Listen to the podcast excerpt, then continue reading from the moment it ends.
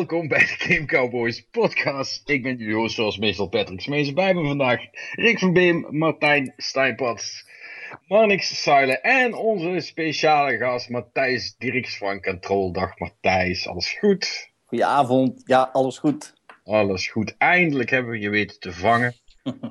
Even geduurd, maar dan heb je ook wat, zeggen ze altijd. Uh, ja, nou ja, het is niet de eerste keer dat je meedoet. We gaan het nog even over de, uh, uh, over de staat van de Indies en de Dutch Game Awards hebben. We gaan het natuurlijk ook hebben over wat Sony allemaal heeft aangekondigd deze week op de Paris Games Week. maar laten we beginnen, zoals altijd, met wat we gespeeld hebben. Matthijs, hoe zit het met jou? Wat heb je allemaal zitten doen? Nou, ik heb deze week eigenlijk vooral Assassin's Creed Syndicate gespeeld. En ik vond hem ongelooflijk cool. Het is de eerste Assassin's Creed game die ik helemaal heb uitgespeeld. En dat wil wat zeggen, want ik heb uh, vanaf twee geloof ik alles gespeeld. Uh, ik vind het de leukste Assassin's Creed game ooit. En ik vind het einde ook helemaal niet slecht. Ik snap die controverse tussen aanhalingstekens daarover uh, niet zo goed. Ik vind hem er geweldig mooi uitzien. Ik heb er echt vooral heel veel lol in gehad. Echt een ja. aanrader. Ja, we hadden, was dat vorige week of twee weken ervoor? Hadden we nee, vorige week. Ja, die heeft hem ook zitten spelen. Die was ook uh, uh, verbazend enthousiast. Ja, wij hadden natuurlijk allemaal zoiets van... Ja, Assassin's Creed na vorig jaar... Aha, het zal wel. Um, maar ja, dat blijkt dus toch helemaal omgedraaid te zijn. Heb je Unity ook, ook proberen te spelen? Of, ja, ja, en bij Unity had ik een beetje hetzelfde probleem als bij uh, 3. Ik, ik weet niet of, of het twee teams zijn die dan om het jaar een game uitbrengen. Hoewel deze game er echt uitziet alsof er vier, vijf jaar aan gewerkt is hoor. Maar in ieder geval, um, het viel me op dat ik uh, Black Flag. Die was leuk. Ook, ook hartstikke leuk vond. Maar uh, Assassin's Creed 3 en Unity, gewoon qua gameplay, heel stug, heel moeilijk, heel vervelend. Ja. Weet je wel, één keer een tiende van een seconde te lang ergens aan hangen en je wordt gezien en je mag een missie weer helemaal opnieuw doen. En dat was dit keer niet het geval. Het was soepel. Of ja. mis er een boter. Ja, dat is, uh, dat is echt super lekker. Het werd ook wel weer eens tijd inderdaad dat ze een echt goede gingen maken. Ja, trouwens, nog een heel klein dingetje daarover. Wat, wat me opviel van de week. Um, ik zat te kijken naar de recensies. En dan moet je eens kijken bij uh, Metacritic. Daar zie je onderaan. Hij heeft een relatief lage uh, Metacritic score. En ik had hem dus uitgespeeld en ik had zoiets van: hoe kan zo'n game nou echt zo ver onder de 8 eindigen, terwijl het gewoon eigenlijk naar alle maatstaven echt een goede game is? Nou, als je dan kijkt naar helemaal onderaan, uh, Britse publicaties geven hem een relatief of zelfs absoluut laag cijfer. Uh, bijvoorbeeld, ik geloof The Guardian of zo een 4 en de, de Daily Telegraph of zoiets een, een, een 5. Echte onvoldoendes. Waarom? Het is uh, een spel gemaakt in Canada, maar eigenlijk door Fransen, vinden de Engelsen. En uh, die moeten vooral niet aan hun stad komen. En als je al aan hun stad komt, dan moet je een helemaal niet proberen daar een beetje uh, te spelen met de tijd en historische figuren een beetje uit hun context te, te, plaatsen. Want daar kunnen ze dus niet tegen. En op een heel kinderachtige manier hebben Britse kranten deze game dus een heel laag cijfer gegeven. En ja. The Guardian heeft dat gedaan? Dus, ja, The Guardian. Ja, ja, dus, ja, ik dacht dat ze dat geen fucking moe kon schelen eigenlijk dus, over haar dus, land. Want ze waren zo internationaal die, ingericht altijd. Maar. Dus als ze de historische feiten van de Indianen helemaal kapot maken, dat is dan geen punt. Maar kom naar Londen. Dat is een beetje... En, wazig. Dat had The Guardian niet verwacht eerlijk gezegd. Ik denk van nee, enige creativiteit. Andersom geven de Britten uh, de nieuwe James Bond film een significant hoger cijfer. Dat hey, maar, wel inderdaad, ja. Hey, maar het is wel prettig dan dat Sumiko een hoger cijfer heeft dan de laatste Assassin's Creed game. wel, toch? Ja, gebaseerd, gebaseerd op 18 Nederlandse recensies natuurlijk. nou, niet helemaal waar hoor, want we zijn in Nederland uh, steviger aangepakt dan in het buitenland hoor. Nou, je, bent, je, je, bent toch gereviewd in The Guardian, of niet? Nou, nee, we hebben geen cijfer gekregen in The Guardian. We waren uh, uh, samen met een paar andere Game of the Week. Nou, dat vind ik al heel wat. al beter was hoor, maar... Ja. Ja, jullie hebben het hier voor het eerst gehoord, Sumiko beter dan Assassin's Creed. nee, ja, duidelijk. nee. Ja, duidelijk vooral. Wat, wat heb je nog meer gespeeld? Uh, nou, eigenlijk dat vooral, ja. En ik ben uh, begonnen aan uh, de eerste episode van Minecraft Story Mode. Um, Hoe is die trouwens? Ik moet zeggen, ik snap die recensies tot nu toe wel een beetje. Ik, heb nog, ik zit pas halverwege. Die allemaal een beetje waren van. Ja, we moeten nog zien welke kant het op gaat. Het begint wel heel erg traagjes. Ik vind het idee is leuk. Hoe ze het, uh, met name hoe ze de ene game in deze game dan weten te verwerken. Daar is goed over nagedacht. Dat is leuk gedaan. Karakters zijn aardig. Maar het is wel heel traag. En, ja, oh, ja, ja, want als je, als je Minecraft zegt, dan, uh, dan, dan hoor je dikke actie natuurlijk. Nou, Minecraft is binnen vijf minuten hartstikke spannend. Want als je dan niet uh, iets. Uh, je huis hebt gebouwd en de eerste zombies komen eraan, dan loop je te schreeuwen en, en, en te rennen en hopen dat je het overleeft. En daarnaast kijk naar een gemiddeld Minecraft filmpje, animatiefilmpje op YouTube, dat is ook binnen een minuut spannend, anders kijkt er sowieso niemand. Dus het kan wel om in die wereld heel snel een spannend verhaal te vertellen. Ja, ja, maar, ja.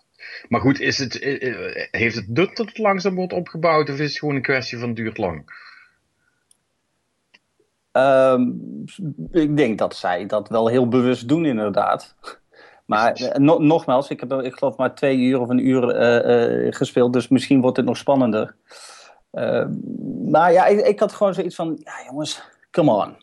Het is, Begin nou eens. Het is een beetje minder explosief dan Tales van de Borderlands, hoor ik al. Uh...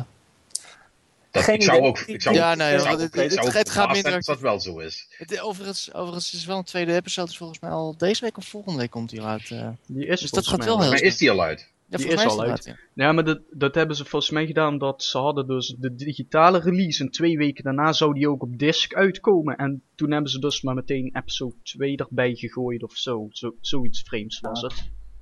Het verbaast me wel inderdaad. Want, uh, normaal is dat het twee, vier maanden dat het tussen zit. Dus ja. ik vind het alleen maar positief hoor. Maar, uh... ja, ik, ik moet zeggen dat ik hier in de basis echt geen, geen enkele interesse voor kan opbrengen. Voor, voor, Minecraft is, is een super uh, grappige Lego-doos, zal ik maar zeggen. Mm met wat mechanics erbij. Maar om daar nou een verhaal in te gaan bouwen. Maar, maar ja, goed, uh, Rick heeft het wel eens vaker gezegd. Hè. Zijn kinderen zijn alleen maar bezig met verhaaltjes bouwen in Minecraft. Dus het, ja. het, het, het, zal wel een ding zijn voor de jeugd of zo. Nee, nee maar dat, dat, dat is het ook, hè. ook. Als je kijkt naar de populariteit van Minecraft op bijvoorbeeld YouTube-channels. Dat is puur eromheen gebouwd dat ja, eigenlijk uh, wordt er gewoon heel veel machinima mee gemaakt. Omdat, ja, omdat, omdat het zo'n open, ja, open blokkendoos is ja, waarin je je eigen scènes heel makkelijk kan maken. En, en, dat, en dat leeft het goed.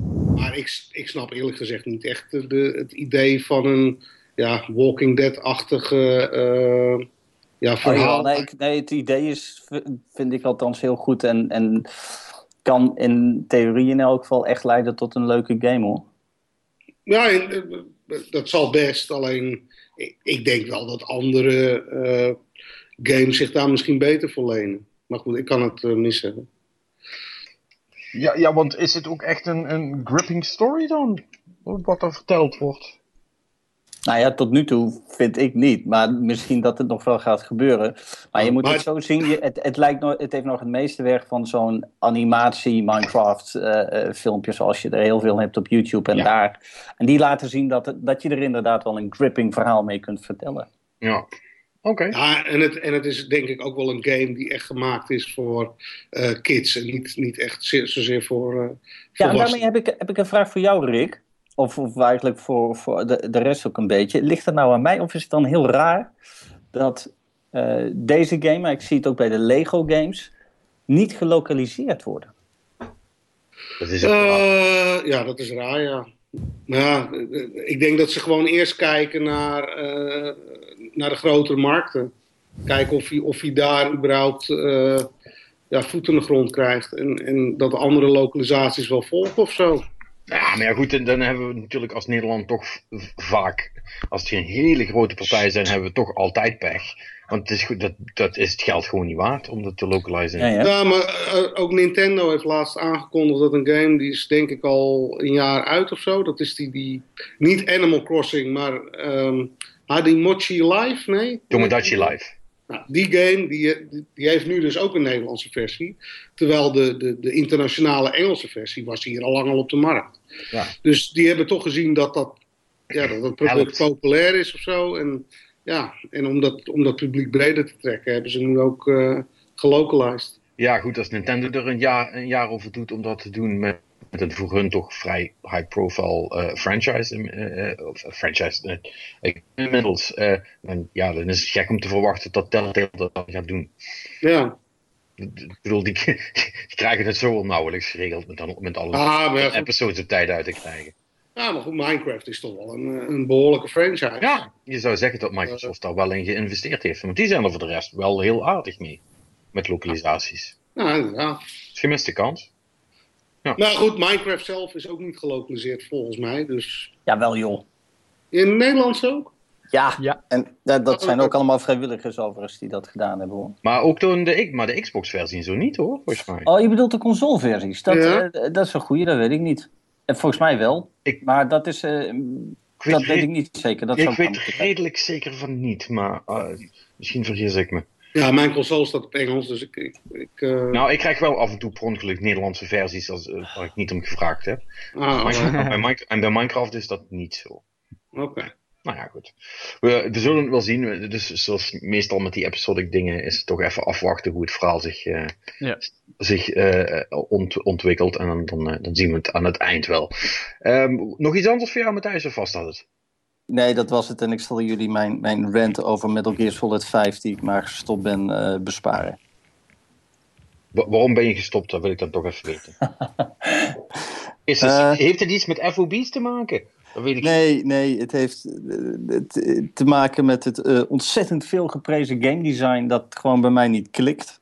Maar je vindt er gewoon niks aan? Nee, nee, ik vind hem oeren vervelend. Echt waar? Ik ben, ik ben echt een groot Metal Gear fan. Ik heb uh, Metal Gear Solid 3 drie keer helemaal uitgespeeld. Ehm, alles wat ik leuk vind aan Metal Gear zit hier wat mij betreft niet in. Maar ik weet dat ik daar een beetje alleen in ben hoor. Dus, dus mensen die het nog niet gespeeld hebben, laat je vooral niet door mij afschrikken. Het is verwacht alleen een heel andere game. En waar ik moeite mee heb, is dat je soms echt extreem lange missies hebt met checkpoints die op heel rare plaatsen zitten, waardoor je door een kleine fout soms al 30, 40 minuten opnieuw moet spelen. En dat trek ik gewoon heel slecht. Ja, ja, daar is iets voor te zeggen. Dat is me wel ook een paar keer overkomen. Nou, nou, nou, dan weet ik nu gelijk dat het niks voor mij is. Nee, maar ja, jij was toch al, uh, je bent toch al aan het hinkelen.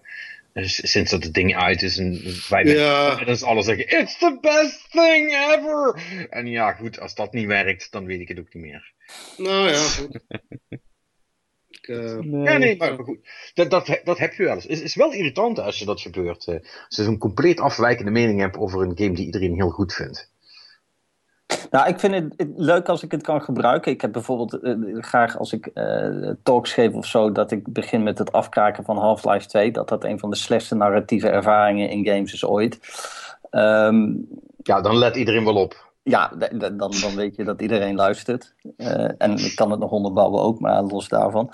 Uh, maar ja, ja, ik vind het niet irritant of zo. Ik vind het gewoon vooral voor mezelf jammer. Want ik, ik had er echt naar uitgekeken. Van de andere kant denk ik ook, ja, nou ja, you win some, you lose some. Uh, ik heb ongelooflijk genoten van The Witcher 3. Dat was alles wat ik ervan had verwacht. En eigenlijk nog wat beter. Dus dat er dan een keertje een game tussen zit die tegenvalt, dat vind ik niet zo ramp. Ja, kom je overheen. Uh, over tegenvallende games gesproken, Marnix. um, ja, ja, Destiny valt heel erg tegen, ja.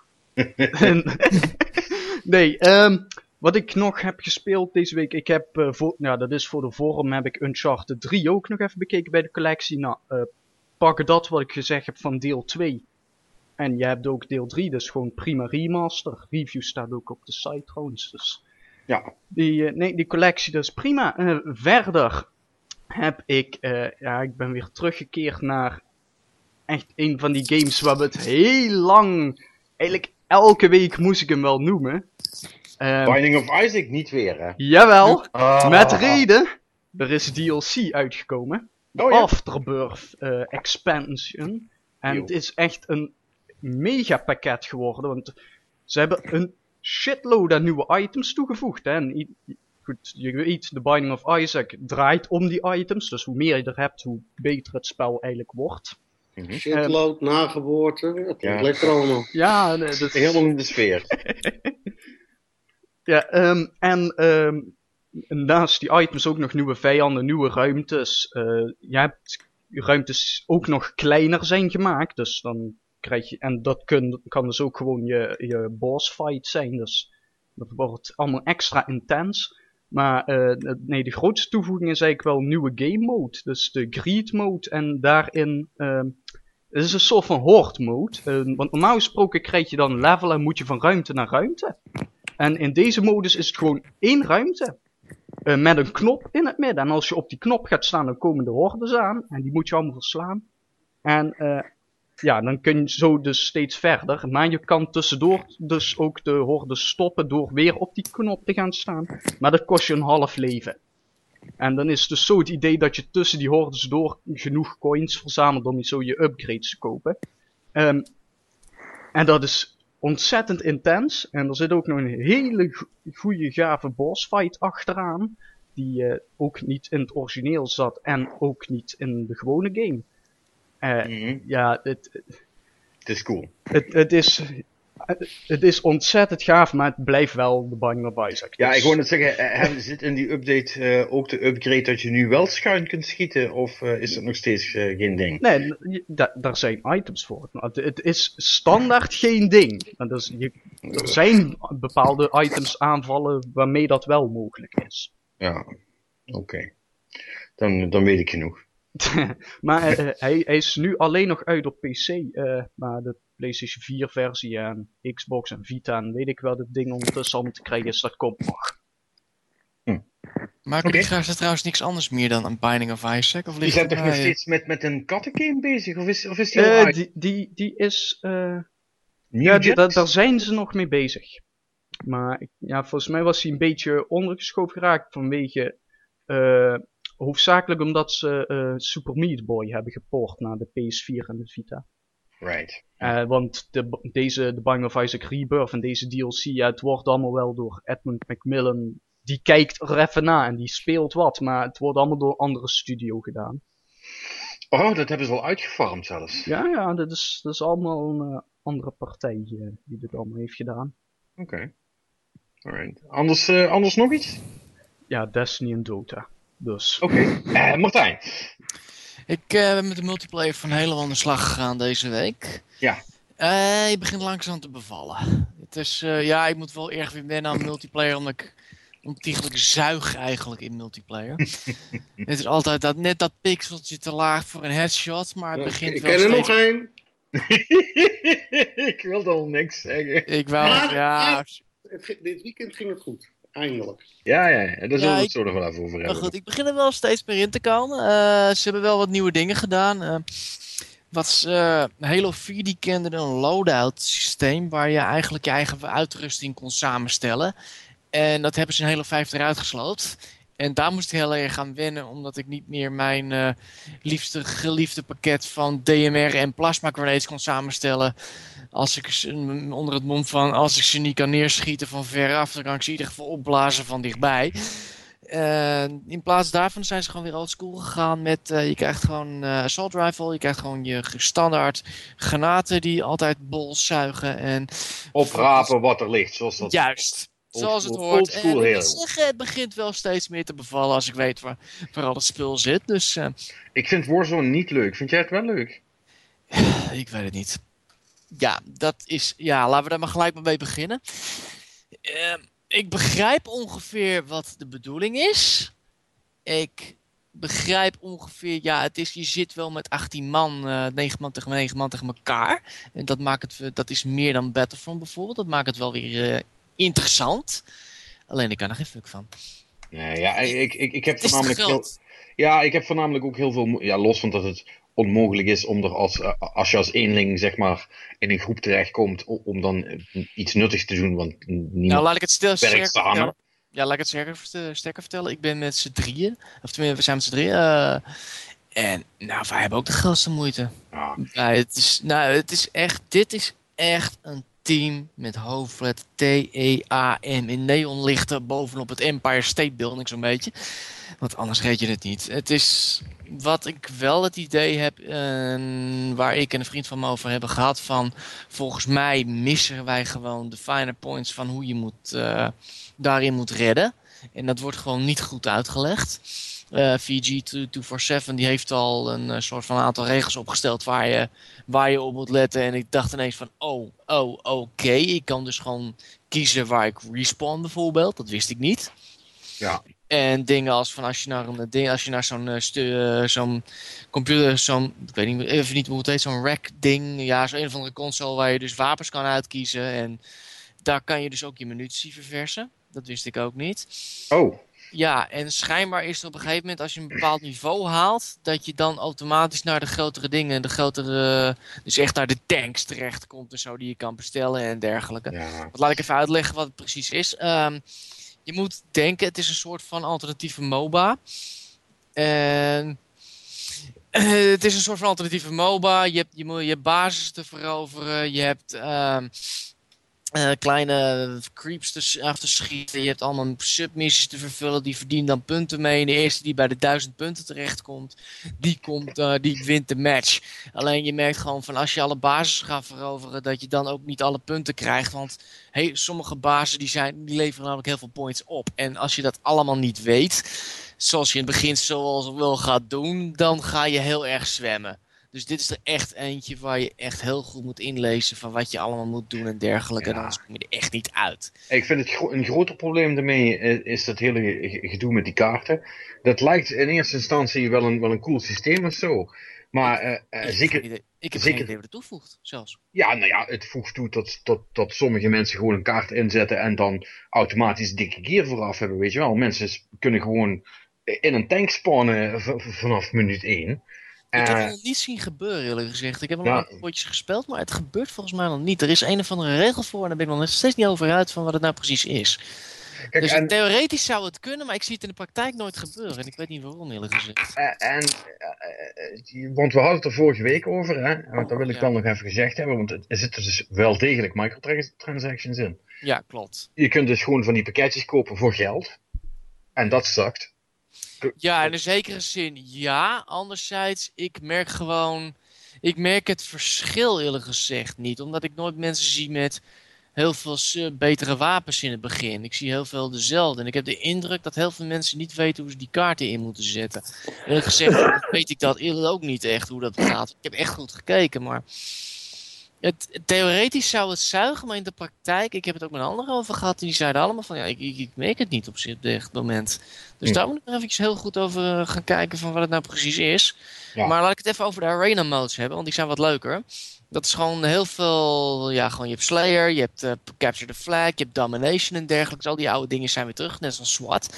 En het leuke daarvan is, van arena mode is, je kan gewoon een soort van wisselmodus doen. Dus, uh, weet je, dus je gaat gewoon, je kiest arena mode je krijgt iedere keer weer een andere, ander soort uh, battle te doen. Ander soort uh, ja, multiplayer mode te doen. En dat vind ik best leuk. Dat vind ik best leuk, want heb je toch wel variatie in je gameplay. En daarnaast heb je een mode die heet Breakout. En ik vind die best tof. En dat is, je hebt één, twee teams tegen elkaar van vier. En iedere keer als je eentje neerschiet, dan is voor hem de ronde voorbij. En op een gegeven moment, je hebt dus de kans dat je dus 1 tegen 3 komt. Maar dan heeft die ene heeft nog een kans door de vlag te pakken die in het midden zit. En in de basis van de tegenstand te planten. Dus dan wint hij alsnog de match dat is, dat, ik vind het best wel tof. Want dat betekent gewoon dat je altijd op, je op die vlag moet letten. En niet zomaar moet gaan jagen. En, omdat je anders misschien gewoon alsnog verliest. En dat hadden we dus, had ik, gisteren had ik dus met een team van 3 tegen 4. En ik dacht zo van, nou, dat wordt helemaal niks. Maar wat bleek nou, die twee anderen die werkten schijnbaar samen. En die gingen dus gelijk richting vlag toe. En op een gegeven moment had ik dat door. En toen wonnen we dus met 5-0. Ja, gewoon puur omdat die andere gasten gewoon niet goed samenwerkten. En dat merk je gewoon echt van, ja, dat is best wel leuk gedaan moet ik zeggen. Ja. Qua multiplayer vind ik het best leuk. Alleen Warzone daar begrijp ik echt geen fuck van. Nee, nee dat, dat probleem heb ik ook. Ja, die, oude, die oude dingen zijn allemaal leuk. Er zit niet alles in wat ik graag had gezien. Nee, uh, team, er komen nog wat dingen bij. Ja. Er komen dingen in latere DLC bij, maar ze wilden echt Warzone wilden ze echt promoten. Ja, dus dat hele team battle, wat oude van Halo 4 nog kennen, van jou de andere Halo's nog kennen. Dus gewoon ieder aan de andere kant Ja. van de map gewoon elkaar afschieten met alles nog, van tanks tot andere dingen die allemaal gespawned zijn. Die komen allemaal nog. Ze wilden echt dit promoten. Gelukkig. En uh, goed, het is jammer, want dat vind ik toch leuker, weet je. Jij ook waarschijnlijk. Ja, nou, gelukkig is de singleplayer wel leuk, zullen we maar zeggen. Ja, nee, absoluut. Dus uh, nee, uh, blijft een leuke game. Review komt deze week trouwens. Ik wilde echt even goed kijken. En... Ja. Alright. Dus Nog iets anders? Uh, ik heb gisteren had ik een verjaardag en hebben we met z'n allen Mario Maker zitten spelen. Alle alternatieve velden dus. Alle dingen die gemaakt hebben. En ik zal er kort over zijn. Er zitten echt hele ingenieuze tussen. Zoals eentje waar je dus echt met een uh, Shell dus door een heel uh, veld heen moet gaan om de muren door te breken, anders kom je niet verder. En eentje waar je dus een, een of andere, ik weet niet wat het is, maar het staat, het staat gewoon van always wear the helmet, don't forget your helmet. En dat houdt in dat je dus, je Mario heeft een helm op.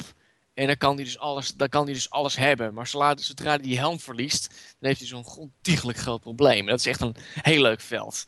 Alleen je merkt gewoon dat heel veel andere velden gewoon zijn van plus 60.000 creatures erin. En probeer, zie maar hoe je dan de overkant komt. Ja, en... je ziet de, de, de goed gemaakte dingen die wel challenging zijn, maar, maar niet gewoon overdreven stom, praktisch onmogelijk. Haha, dit kun je niet. Ja. Uh, die zijn toch redelijk dun gezaaid, begrijp ik, uh, van mensen die het veel zien. Ja, wat, wat, dat zie ik ook wel. En gelukkig is er dan een skip-functie. Waardoor tenminste dan probeert de, de leukere velden te zien. En ik hoop er eigenlijk dat Nintendo gewoon goed kijkt naar welke velden echt goed zijn. En dat ze vervolgens een soort van gratis DLC-pack aanbieden. Van kijk, the best of everybody of zo. Ik denk dat ze daar uh, best heel veel, heel, dat dit best een populaire beslissing zal worden. Ja, dat denk ik wel. Rick, speel jij het eigenlijk nog? Je was er zo ja, ja, ja. ja, ik speel het nog. Ik vind, ik vind het echt een van de leukste dingen die Nintendo, nou, de afgelopen tijd heeft uitgebracht. Het is echt super, super tof gedaan. Je ziet, het, ja, je ziet het wel inderdaad. Heel veel, heel veel verschillende velden. Heel veel velden. Iedereen is er enthousiast over. Ja, en ik, en ik, vind, het, ik vind het wel leuk om, om te kijken wat andere mensen hebben gemaakt. Maar het leukste vind ik eigenlijk om het samen met mijn kinderen te spelen. Dingen dus, te maken. Ja, dus dan maken zij een level en dan, nou, dan ga ik het spelen. En, en vice versa. Ja, Matthijs, is, ik, dit lijkt me iets wat jij ook wel heel leuk uh, zou vinden, of niet? Mario Maker? Ja. Uh, nee, maar dat heeft meer te maken dat ik uh, niet zo'n Mario-fan ben. Ja joh, ehm, ga nog even verder. Met, ja, maar Matthijs heeft geen met ziel. Alles, met alles stom vinden wat, wat, wat goed is. Ja, maar Matthijs heeft geen ziel, dat wist hij nog niet, maar dat is echt... Fucking hell. Ik... Ja. ja, ik kom van de Commodore 64. Oh ja, dan, ja, dan is... Ik, ik ja. ook. Ik ook. Ja, dan heb jij je nog uh, redelijk ja. ontwikkeld. Maar de meeste mensen hebben inderdaad geen dat, is, dat, is, dat is het feit. Mm. Zegt de grote MSX-man, toch? Ja. ja dat bedoel je erbij. Zeker. MSX Master Race. Uh. Dat we dat even opstellen. Nee, maar het lijkt, het lijkt me... Ik, ik, moet zeggen, ik heb er naar gekeken. En uh, het, het lijkt me wel leuk. Het lijkt me... Um, ik ben wel benieuwd. Ik ga het zeker wel een keer uitproberen. Dus kijken of ik zelf goed leveltjes kan maken. Ja, het lijkt me toch een leuke uitdaging als je, als je, ah, als je toch, als, ja, jij als spellenmaker tegenwoordig. Um, ja, dat moet toch een leuke uitdaging zijn. Van kan ik ja. een interessant Mario level maken? Dat is toch altijd wel, altijd wel cool. Uh, Martijn, dat, dat was hem voor jou? Ja, dat was het. Ja, Rick, jij had verder niet echt wat gespeeld, zei je, hè? Nou ja, uh, ik, ik, mocht weer meedoen met de Trials of Osiris. God, uh, eigenlijk krijgen, krijgen we dat weer. Ja, en, uh, en dat ging verbazingwekkend goed. Dus ik, ik hoop dat ik vaker mag meedoen, Patrick. ja, Rick. Nee, dat gaat helemaal goed komen. Nee, ja, dat... dat... Heeft je PS4 een straatverbod gekregen? Nee, nee. Of zo, uh... Laten we de Destiny minuut maar even, maar even doen. Nee, Trials of Osiris is weer terug. Ja, ik heb er wel al vaker over verteld. Dat is het super hardcore uh, PvP gebeuren. En dat is iets softer geworden. Wat uh, heel fijn is voor mensen zoals Rick. die anders nooit leuke loot zouden kunnen scoren. Ze hebben het systeem iets wat veranderd. Uh, eerst moest je, kreeg je, je krijgt een kaartje en je kunt maximaal 9 potjes winnen. Maar als je er 3 hebt verloren, dan is je kaartje kapot en dan mag je niet meer meedoen. Totdat je een nieuw kaartje koopt. En eerst moest je, je dus echt zeg maar een hele berg winst achter elkaar krijgen om überhaupt iets van loot te hebben. En nu hebben ze dat met, hè, met dat nieuwe bounty systeem wat ze in, in, de Taken King uh, hebben ingebouwd. Um, hebben ze dat zo gedaan dat als je gewoon blijft spelen in een team wat niet super waardeloos is, dat je zelfs als jij niet hoe moet ik dat zeggen, eh, heel veel bijdraagt. Los van dat Rick best aardig speelde trouwens hoor. Dat, dat moet ik hem dan wel nageven. Ehm, kun je toch iets bereiken en dat, eh, dat hebben ze leuk gedaan. Dus dat is cool. Je gaat nooit de, de, hele, de hele stoere shit kunnen krijgen, maar je kunt wel een, een, een, een taste krijgen. En ik blijf erbij. Trials of Osiris is echt fucking briljant als multiplayer eh, mode. Het is zo cool. Het, het, ik heb nog niks anders gespeeld wat zo echt nagelbijtend spannend kan zijn dan dat. Dat is echt, eh, dat is echt super vet. Dus eh, dat, eh, dat is heel goed. En ander Destiny nieuws. Ik heb de rate gehaald. Yay! Woehoe, I'm awesome! Ik hoor bij de 0,1% nu. Dat gehaald hebben. En ja, dat, dat, dat percentage klopt. Ik heb het gecheckt. Dat is echt erg, hè? Klopt het trouwens dat er een uh, manier, een shortcut is? Nee. nee, nee. Als die er al is, moet je hem dat nu niet vertellen, hè? Ik, nee, ik, zei, ik las dat echt vanmiddag ergens op de site van er is een shortcut om te halen schijnbaar. Niet dat... Polygon had het erover volgens mij. Dat ik weet. En ik volg Destiny nu stop op de minuut, kan ik je melden. Uh, je hebt niks anders te doen. Wow. Ja, nee. je moet toch wat met je leven. Nee, uh, nee, ik heb er nog niks over gehoord. Dus uh, het zou kunnen, maar het lijkt me sterk. Wacht even, ik heb hier de link Polygon ja, hier. over inderdaad. Destiny players found an easy way to beat the game's hardest bo boss, but is it cheating? Yep. Wat, uh, om Oryx te verslaan of wat? Beat uh, de, de, game hardest boss staat hier dus. Uh, wacht even. Hard oh. Rage Final Boss Oryx the Taken King. Oké. Okay. Hier, je 0,5% staat erbij. Nou, dat is mooi. Dan kun je, kun je me daar ook even doorheen... Uh... regel, regel, het even zelf van binnen. Ik heb gisteravond, godverdomme, 3,5 uur gespendeerd om, uh, om, oh, die lol, om die lol te verslaan. Uh, hier, dus... hier. Hard mode, solo, minder dan 1 minuut. Kijk. het hebben ze in cheese gevonden. Oh, dat vind ik, dat vind ik balen. Nee, nou ja, daar gaat het over. Of het cheaten is of gewoon slim spelen. In plaats van 3,5 uur of hoeveel was het? Nou ja, in actuality duurt het, duurt het maar uh, vijf of zes minuten. Maar eer je het geregeld krijgt met zes man dat niemand doodgaat en alles gaat zoals het moet gaan, ben je vaak wel even bezig. Eén minuut? Holy shit, dat ga ik straks nazoeken. Avian, mode hard, Avian hard mode solo in less than a minute. Ja, voor de patch trouwens. Dus, uh... Ja, ja, ja. Nee, maar, maar, maar, dat was nou net het mooie ervan. Want, want alle andere raids uh, in Destiny tot nu toe hadden allemaal wel een, een soort van cheese die er achteraf dan is uitgepatcht. Uh, en wat het heel makkelijk maakte voor mensen die er gewoon geen, ja, geen ruk van konden, zeg maar om dan toch allemaal die coole loot te krijgen. En voor die mensen die, die echt hun best hebben gedaan om, om die fights uit te vogelen en, en dat dan doen, die hebben dan toch zoiets van, ja godverdomme, weet je wel, wij hebben ons al die moeite gedaan en kan, kan iedere random aap met een joypad eh, kan dezelfde shit hebben. Dat is toch niet, het voelt toch niet oké. En het was juist zo... Zo, ze hebben er toch ook voor betaald? Nee, nee, nee, nee, nee, nee, nee, nee. nee, zo werkt dat niet. Oké.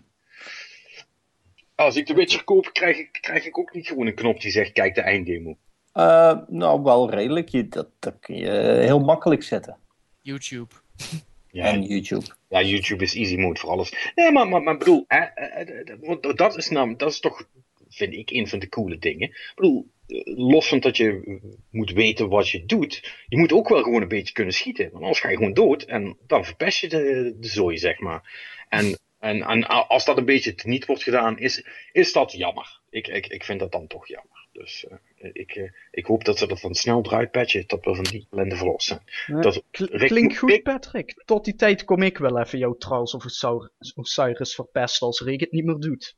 Ja, nee, Trials of Osiris valt ook goed te verpesten. Want er zijn dus blijkbaar allemaal mensen aan het. Ah, dat, is, dat is dus het nadeel van geen dedicated servers hebben, wat Destiny heeft. Dat is, dat is wel super mooi in Halo trouwens, allemaal super smooth, dedicated, iedereen groene balk, uh, altijd lekker spelen. Maar ja, bij Destiny is het dus gewoon één iemand is host voor de rest.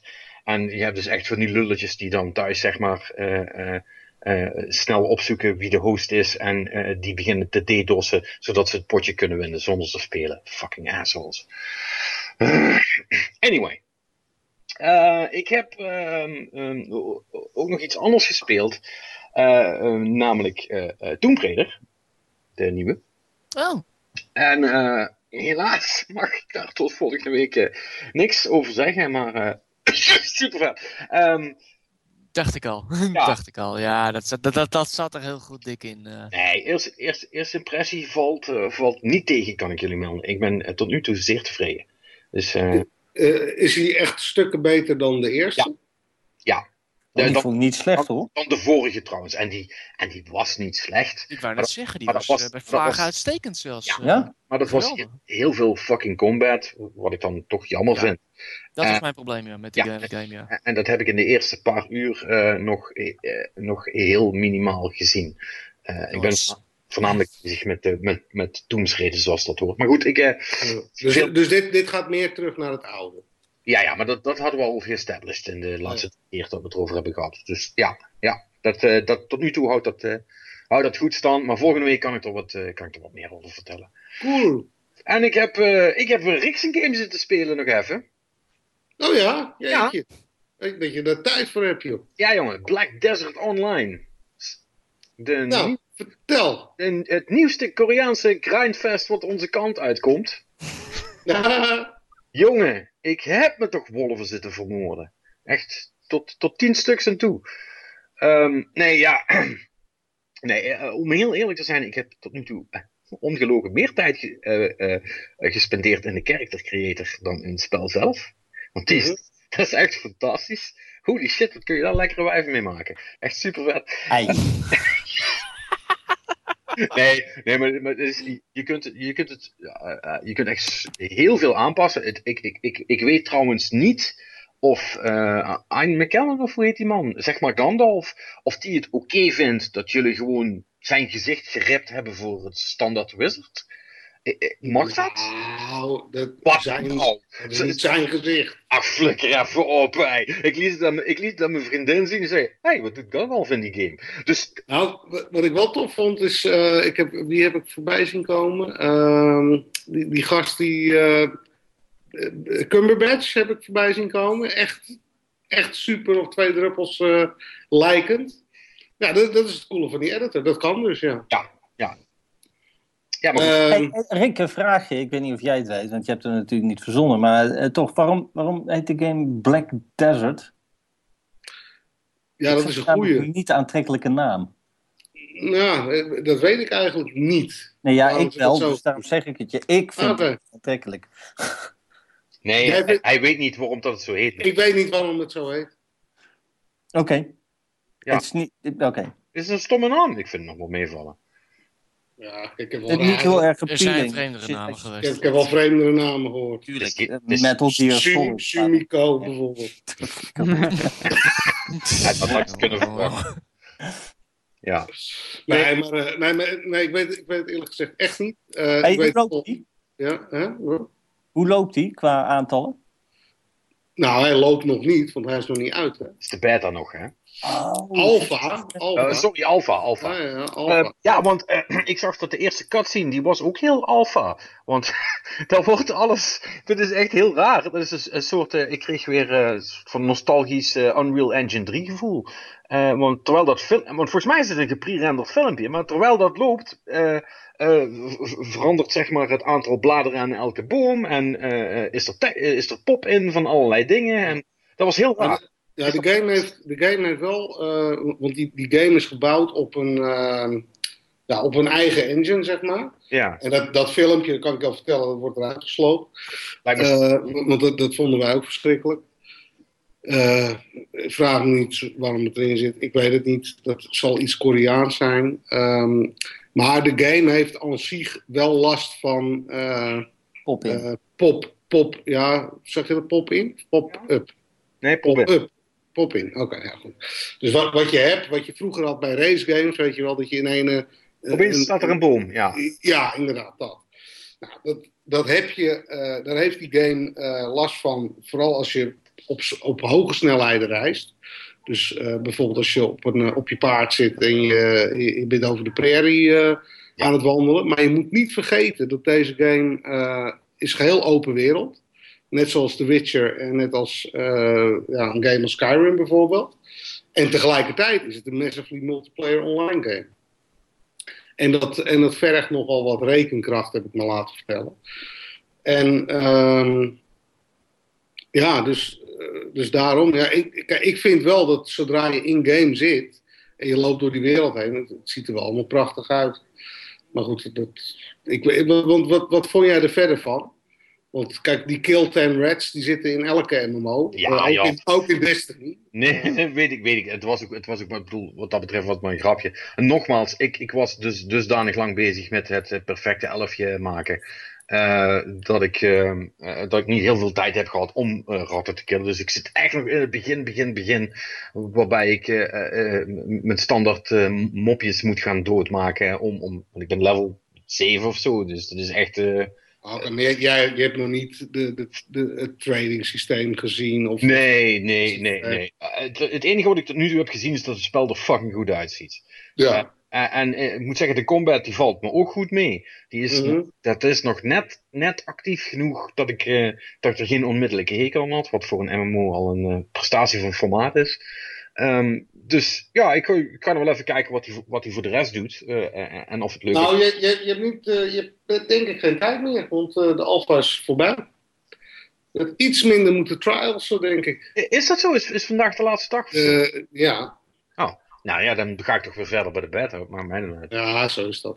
Maar, eh, nee, inderdaad, eh, de, de, ehm, eh, de, de combat, want ik ben, ik ben een console gamer in de eerste plaats, geen, niet echt een PC gamer.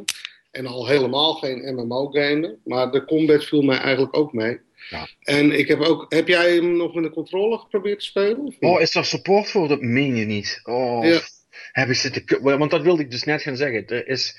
Ik ben er nogmaals aan herinnerd dat er weinig erger is dan met muis en toetsenbord moeten spelen. Ik, ik, heb, ik, god, ik heb je dat verteld. Oh, dan heb ik slecht geluisterd, ja. Dat, eh, dat, dat, weet ik Dat is dan jammer. ja, de game heeft inderdaad eh eh, controlersport. Ja. En dat moet je natuurlijk, want dat is dan wel het, het, het, het lastige. Kijk, je kan de combat kun je perfect mappen op die controller. Ehm, maar voor, eh, als, je, als je diep je item management in moet, of, of, of je moet eh, iets craften of zo, ja, da- dan moet je toch weer naar je eh Ja. huis- en toetsenbord grijpen. Ja, Dat is wel jammer, maar eh, ben je echt gewoon actief aan het gamen in, in, in die wereld, dan, eh, ja, dan, dan volstaat een controller eh prima.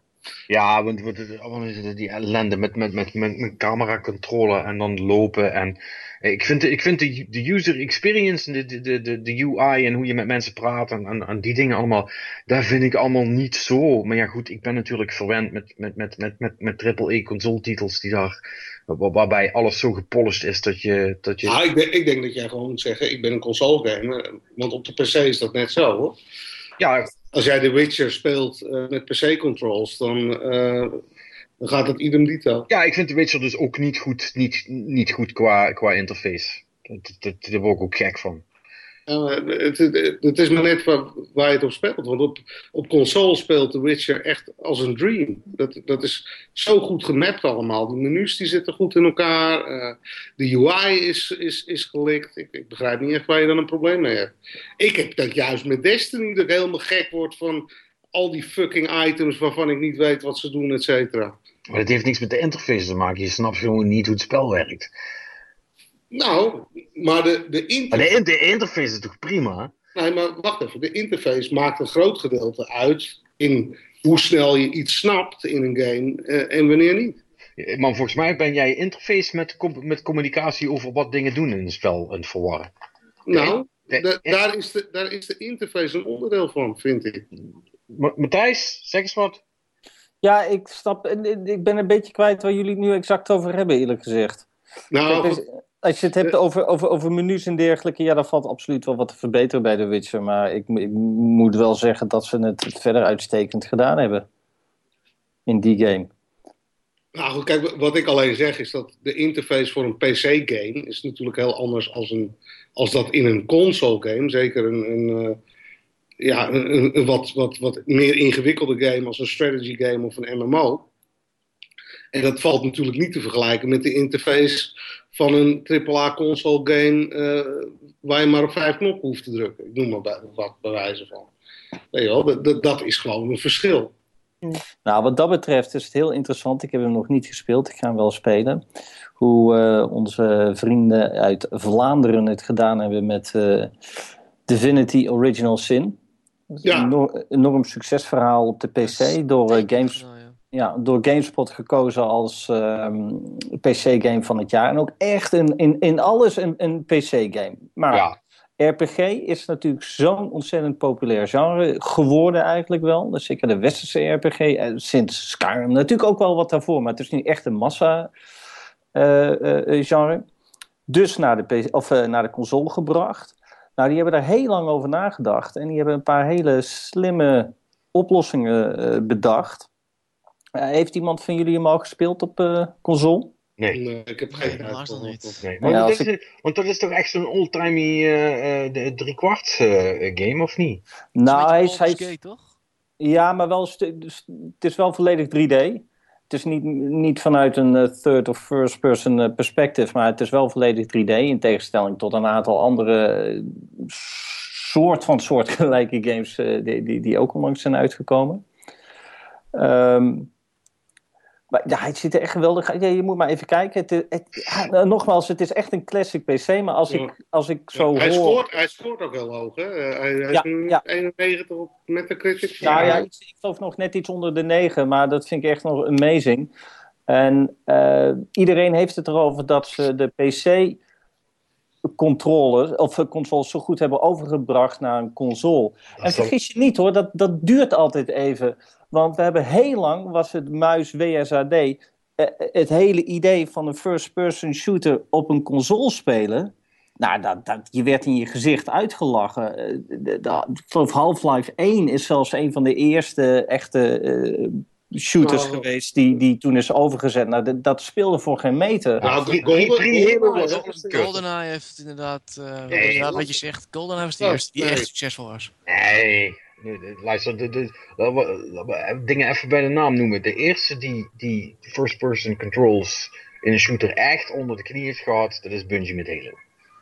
dat ben was- ik helemaal met je eens. Nou, GoldenEye ik vond. GoldenEye prima. Eh, Wat, eh, Nee, GoldenEye was eerder, Halo heeft het eh, inderdaad echt naar een en. Halo was nee, later, daar ben ik dat mee was wel beter, maar dat was wel een... Nee, maar vergis je niet, Halo is toen zelfs nog een tijd, ik geloof, uitgesteld. Dat weet ik niet meer zeker, maar, of, of iets dergelijks. Maar ze zijn, daar hebben ze een half jaar lang zijn ze met niets anders bezig geweest dan het tweaken van de controls.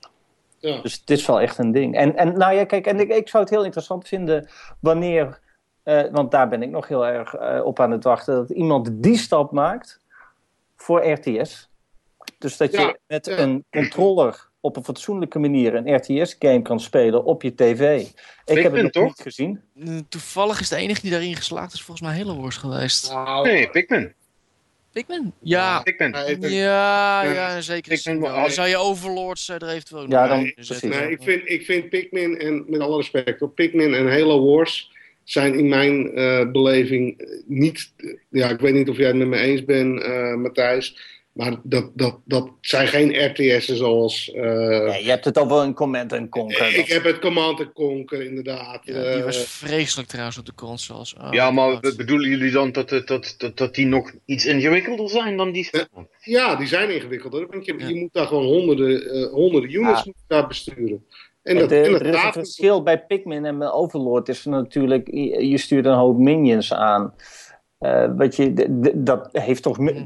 Hoewel dat leuk is, heeft dat minder diepgang dan bijvoorbeeld een Command and Conquer. En juist zo'n type game, ik ben gewoon heel benieuwd of het ooit iemand gaat lukken om de besturing daarvan goed te vertalen naar Ik eh, weet niet, Het hoor. Ik, lijkt ik mij weet, sterk. ik weet niet of het überhaupt nog zin heeft, want RTS is eigenlijk niet echt meer het genre van Ja. vroeger. Maar is er ook niet iets voor te zeggen om, om, om, gewoon, om, om gewoon te accepteren? Ja, luister jongens, dit soort gameplay is, daar is gewoon geen betere methode voor dan die wat we al hebben.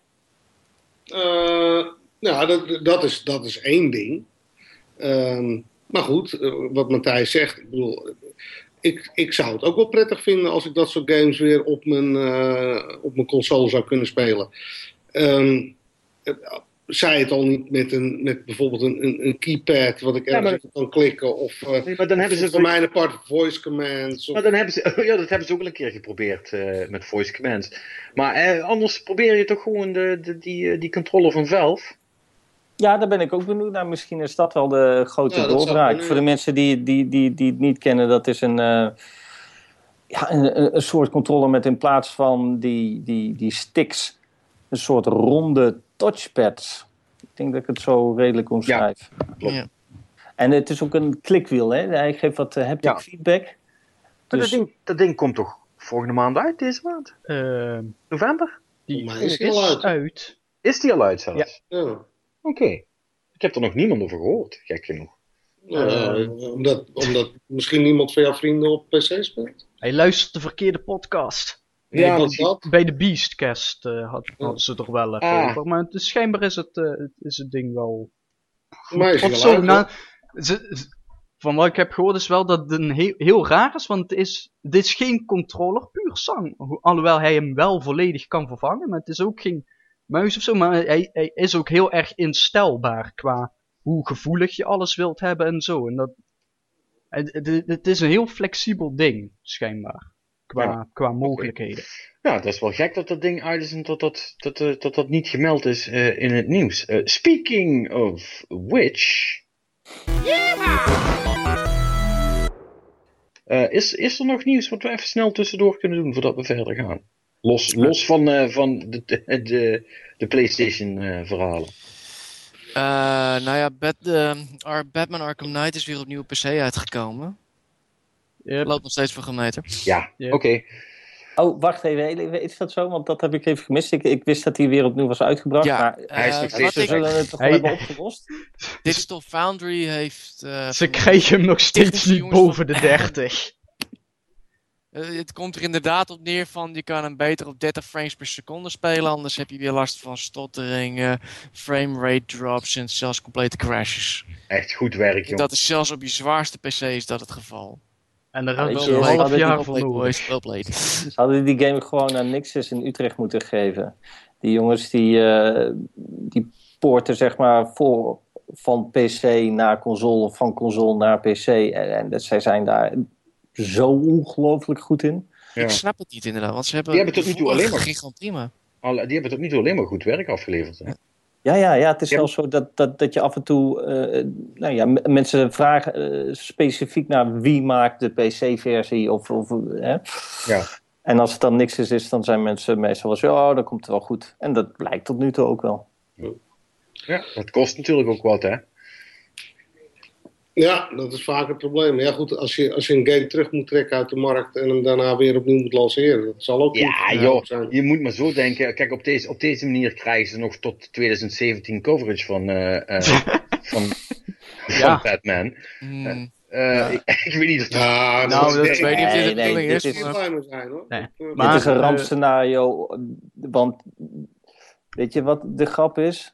Dat het dus ook de sales op console benadeelt. Je hebt gewoon echt bad rap, je hebt eh, slechte verhalen over je game en niet iedereen gaat nou heel precies lezen over was het nou PC of was ze daar, die staan in de winkel en die denken van, Batman Cut Game. Ja. oh ja, Ja. precies. Dus dat scheelt gewoon in verkoop, ook voor je console, dat is gewoon niet goed. Nou, het, is zelfs zo dat Warner inmiddels, eh, heb ik eens gelezen, dat ze eh, de Steam refunds, normaal gesproken zijn die gebonden aan eh, dat je het spel minder dan twee uur gespeeld moet hebben en eh, binnen 14 dagen na aankoop, dan krijg je een refund en daarna niet meer. Eh, dat ze die restricties voor deze game hebben laten varen en dat Warner gewoon, als je geld terug wilt, eh, Dat is fucking pijnlijk inderdaad. Ja, Ja, ja dan, eh, dan ben je niet goed bezig als er voor jouw game een uitzondering wordt gemaakt. nou vol- volgens mij hebben ze het zelf gedaan. Oh. Volgens mij nemen Ah. ze gewoon hun verlies en... eh, Ja. Ja, dat, dat is dan wel weer netjes. Maar, Ja, maar ik, Ja. Vind, het zo, ik vind het zo zonde, want de, Eh, de Origins die was gewoon wel eh, ook Ja. cor- correct. Ja. Ik snap niet dat ze deze hebben ver- ja, Dat is wel verkloot. inderdaad super jammer. Ja goed, voor de rest eh, was er eh, volgens mij eh, heel weinig eh, gebeurd. Buiten alles op de Paris Games Week hè. Dus laten we het, eh, laten we het daar even over hebben. Ja, Sony heeft uitgepakt eh, met titels. Ik moet wel zeggen dat er aardig wat eh, dingen waren die we al kenden. Ja, Eh, we, hebben wat, we hebben een datum gekregen eigenlijk van No Man's Sky. Dus volgend jaar juni, wat ik eigenlijk wel gedacht had. Ja. Wel opvallend dat, het dan, dat hij dan verschijnt in, in de maand waar de E3 is. Dat vind ik wel eh, vreemd, maar... ja, maar het, Het is wel een zomergame, dus op zich... Ja, dat wel en zo. Dus misschien dat hij het wel goed doet. Maar Ja, Dat, het, is een beetje, het lijkt wel een beetje onder de radar expres te worden gezet. Maar, maar Eh, goed, ja, nee, maar dat, dat, schuld, dat is al, dat is al steeds meer aan het opschuiven. Maar was het niet ook... Ja. Ja, ja Arkham Knight was dit jaar. Ja. Die Ook week of de week Ja, daarvoor. eh, heb je gelijk. Heb je gelijk, inderdaad. Het, het- de, de tijd dat we in de zomer niks kregen, die is al, al lang voorbij. We, we, we hebben ook een, een datum gekregen van Street Fighter 4, hè? 16 februari. Eerder, Ja. 4, 5 bedoel je dan mee, denk ik. Is eigenlijk wel, is eigenlijk wel klassiek, hè? Want het, eh, het is meestal Q1 dat ze die eh, brengen. Dus, eh, Ja, ik had hem in maart verwacht, omdat dan meestal dat soort spelen uitkomen. Nee, Maar maar dan hebben ze Uncharted al. dat is waar. Ja. En ik moet zeggen, ja, eh, maar wacht even. eh, oh ja, want hij is exclusief natuurlijk. Mhm. ja ook, Nou, hij, hij komt ook naar PC natuurlijk. Ja. Maar, eh, nee, ik- ik verwacht nog steeds volgend jaar na dat er een, eh, een Super Street Fighter 5 komt die ook op Xbox One verschijnt. Hoor. Dus eh, zo ken ik Capcom, Capcom wel. Overigens, ook verrassend, eh zes fighters zijn nog niet beschikbaar. En die kan je of kopen of via in-game fight money eh vrij spelen. Ja, dat, is, dat is prima. Dat is ook weer Capcom, maar... Ja. Jij bent, Nee. er, jij bent er... eh, Jij hebt er geen probleem mee? eh? Ja, soms- ja, wat ik al eerder heb gezegd, het is wat moeilijk om er nu al iets over te zeggen, want je weet niet hoe dat fight money systeem gaat werken. Maar Ja. ik, eh, ik, vind, ik, ik, ik vind het best, joh. Eh, kijk, ik, ik ben niet anders gewend dan eh, dat ik nickel en dimed word, zoals dat mooi heet, eh, eh, door, eh, door Capcom eh, voor Fighter. Ik heb, Zo kennen we ze. Ja, nee, eh, weet je, eh, soms moet je maar gewoon gaan liggen en, eh, eh, en een beetje, en een beetje eh, eh, eh, KY eh, erop smeren. eh, En maar Eh, en, bij, en, bij Street Fighter, en bij Street Fighter doe ik dat gewoon. Ik vind het prima. Mm, waarom niet? Ik bedoel, onderhand ben je het wel eens inderdaad van ze gewend. Dus eh, even kijken verder. Eh, een paar nieuwe games. Yep. Vector, een muziekgame met eh AVC. Schijnbaar is dat een DJ. Avicii. Weet ik veel. wat het is. Schijnbaar.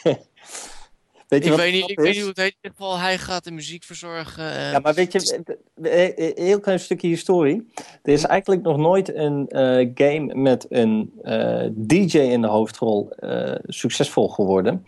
Wat je Hm. ziet is dat alle succesvolle muziekgames eh, is, betreft altijd rockmuziek. Dus ik vind het wel verbazingwekkend. Eh, eh, niet altijd DJ Hero? Rest. DJ Hero was geen succes. DJ Hero was absoluut niet, niet Nee, het succes dat ze ervan hadden verwacht. En Nee, ik, ah, ik, heb het niet over, over Raz. Ik heb het over gewoon... eh, En Raz, Raz was ook geen succes. Ja, Ja, eh, als we het alleen over verkoopsucces hebben, dan klopt het wat hij zegt. nou, daar, hebben we het over. Vang ik de indruk, maar... En ik weet dat alleen DJ Shadow die muziek had gedaan toen. De, rem- de remixes en dergelijke. Ja, Nee, het zijn wel kleine succesjes, maar eh, wat je vaak hoort is dat er vo- vooraf. Nou, nou, laat ik zo zeggen, het eh, principe van een bekende DJ en een muziekgame, dat is minder sterk dan van een bekende band, rockband en een muziekgame.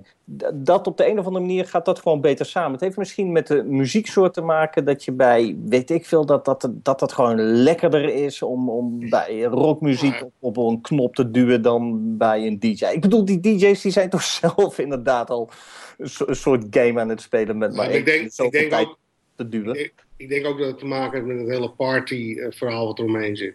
Ja. Ik bedoel, ik bedoel eh, met, met rockband of met Guitar Hero heb je natuurlijk te maken met zingen en met gitaar en, en drums. Dat is veel interactiever dan ja, en dan weet je Ja. wat virtueel plaatjes draaien. Ja, dat, dat, want virtueel, kijk, want eh, eh, zoals Ma- eh, Matthijs heel terecht zegt, in het echt plaatjes draaien ziet er al uit alsof je stront een vervelen bent, zeg maar. Waarom zou je dat in godsnaam thuis willen nadoen? Ja, inderdaad.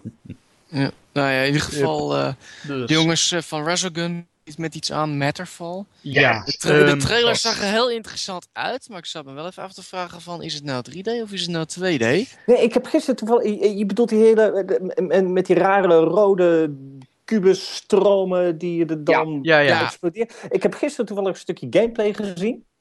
Hm. En dat is eh, eh, top-down. Echt waar? Ja, Haha. En- ik, ik, ik, ik dacht het al, want Eh, ik, ik dacht van dit is het team van Resogun, maar zijn die dan zo groot dat ze zoiets ja, kunnen ja maken? raar hè. Je, je vraagt je af waarom je anno nu, weet je wel, met de power van de PlayStation 4 en de Xbox One en de huidige PC-generatie nog steeds met een eh, CGI-trailer moet komen. Maar het is volgens mij eh, gewoon een twin-stick shooter. Oh, wat lame. Oh, ik, ik, Ja, Patrick was wel helemaal in de Vanquish sfeer. Dit doet me zo denken aan die Gradius trailer van de PlayStation 2 toen. Daar zag je echt een ontiegelijke vette 3D CGI trailer. En dat bleek gewoon een 2D st- shmup te zijn. En ik had echt zoiets van, what the fuck? En ik had nou, dacht echt niet dat ze dit nog een keer zouden doen, maar... Raar, echt. Ik bedoel, wat maakt het uit? Ik bedoel, Resogun werd hartstikke goed ontvangen. Ja, daarom ik Iedereen was snap er het gek op, waarom doe je Ja, het? ja. Raar, echt vreemd. Maar ja, goed. Ja, In ieder geval, en dan hebben we natuurlijk eh, de nieuwe David Cage. Ja. Detroit, Become Human. Oh, zo vet. Hij Oh, ziet het er ziet er gaaf uit. Zo, uit. zo, zo kut wordt dat. Zo vet wordt dat. Zo kut. Dat- Ja, dat- ik- oh ja, ik weet het niet. Ik, ik, ik, Ik heb- ga, wel, ik ga wel gewoon naar de film. ik, moet, het, ik moet het een keer eh, rustig kijken, die trailer. Hij ziet er wel heel mooi uit, dat zeker. Het- Alleen ja, het is wel een David Cage game. Ja, het het ja. heeft dat alles in een- zich om fantastisch te worden, maar... Maar het zal wel weer niet. High, high Dat five. is waar. High five.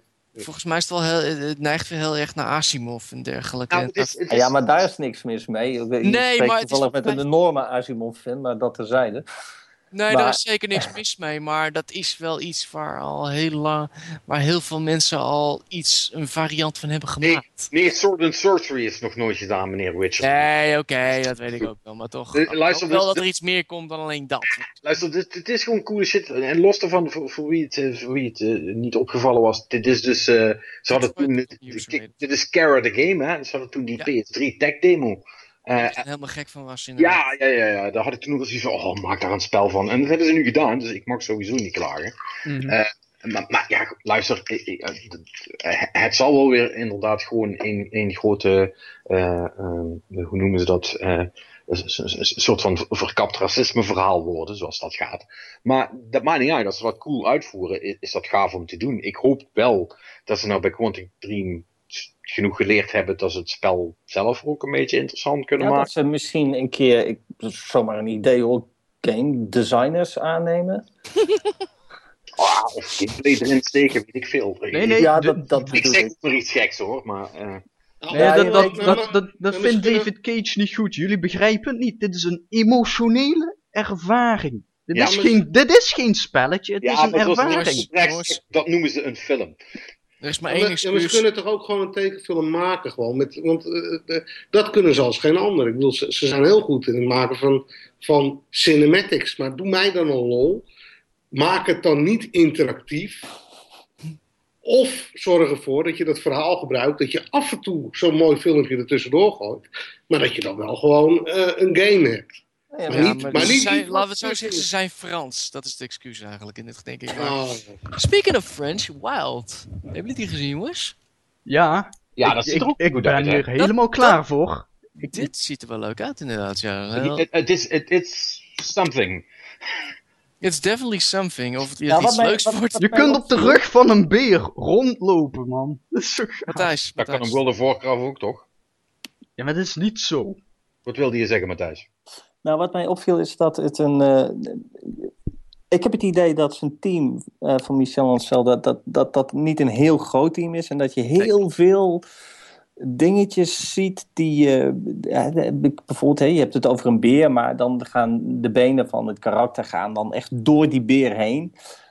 De, dat zijn allemaal van dat soort kleine dingetjes die accepteerde je een paar jaar geleden nog volledig. Maakte niet uit. Anno nu wordt het toch wat moeilijker omdat je de- de- heel snel eruit wordt gegooid. Hè. Het is immersiebrekend. Maar eh, het zou mij dus niet verbazen als hier straks ook... eh, we hadden het van de week nog even over eh, Santa Monica op gaan zetten. Want die doen dat dus voor al die indie studio's die PlayStation exclusives maken. Is de- Wild echt een exclusive of een Ja, dat is zo semi. Ik, ik, ik weet ook niet precies hoe het zit. Hij is toen Maar- exclusive. Hij Wat werd wel toen op de PC-conferentie aangekondigd, maar ik weet niet hoe dat in elkaar steekt. Want Nou, ik hoop, ik hoop dat hij in ieder geval eh, 100% console-exclusive is. Want dan heb je gewoon kans dat Sony er nog zijn uh, techneuten tegen aangooit. En dat er allemaal dat soort dingetjes wordt opgelost. Want je merkt wel gewoon de, de, dat het wel eens misgaat dat te kleine teams uh, te grote games gaan maken. En dat de ambitie Ja. dan in de weg staat van de uiteindelijke kwaliteit. à la No Man's Sky. Eh, eh, Wild is PS4 exclusive. ja, toch wel. Oké. Toch wel. Oké, ja, nou, dan is de kans het groter dat het dan gewoon technisch gezien wel eh, echt op orde gaat komen. Want daar daar maakte ik me wel eerlijk gezegd een beetje zorgen over. Mhm. Ik vond het trouwens heel leuk om te zien hoe die Fransen op hem eh, reageerden. Het was echt een beetje een. ehm, ja, daarna kwamen David eh, Keuze, eh, hè, David Cage en Michel Ancel. Echt twee, de, de, de twee grote namen uit de Franse gamesindustrie. Even afgezien van de oprichters van Ubisoft. Praktisch, ja.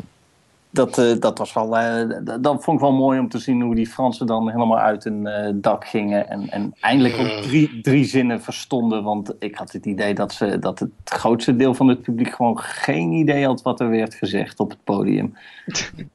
er werd nauwelijks gereageerd. ja. Ja, nee, ja, eh, eh, het blijft een aparte keuze hoor, om, om dat ook daar te doen. Dan denk ik, ja, dit had je ook allemaal op Gamescom kunnen doen. Dat was geen moeite geweest. Behalve dat sommige dingen misschien nog niet klaar waren. Maar Ik, Ehm, ik denk, dat, ik denk ja. dat ze gewoon hun moment wilden pakken of zo. Ja, wat me trouwens wel opvalt is, ze zijn heel experimenteel bezig. eh tenminste, als je naar deze titels kijkt. Van Nou, David Cage is natuurlijk Ja, vrij. ik denk- Ja, ja, Wild zo is spannend vrij- is dit niet. maar dat, ze hebben, Eh, maar ze sorry, dat zei je, Patrick? Ik zeg, zo spannend is dit toch niet? ten opzichte- Ach joh, als je dat vergelijkt met een paar jaar geleden, waar, waar, waar geen titel voorbij kwam zonder het ge- getal 2, 3 of 4 erachter, is dit, ik ben het helemaal met hem mee. Ik weet niet wie het uiteindelijk zijn, maar ik vind het, ik vind het geweldig. Ze proberen inderdaad wat. Ja, Er maar- zitten wel een paar dingen bij, ik denk van, eh, zoals die Het, hij zegt, jongens, het zou zo verdomme goed staan aan het begin van een console-generatie dat ze proberen. Ik denk wel dat het geboren is uit nood, hoor. Want ze, ze, ze hebben bij Sony wel echt een, een contentprobleem momenteel. Eh, als je kijkt naar, naar, naar ja, wat de pipeline is van Microsoft met, eh, ja, met, met echt grote titels.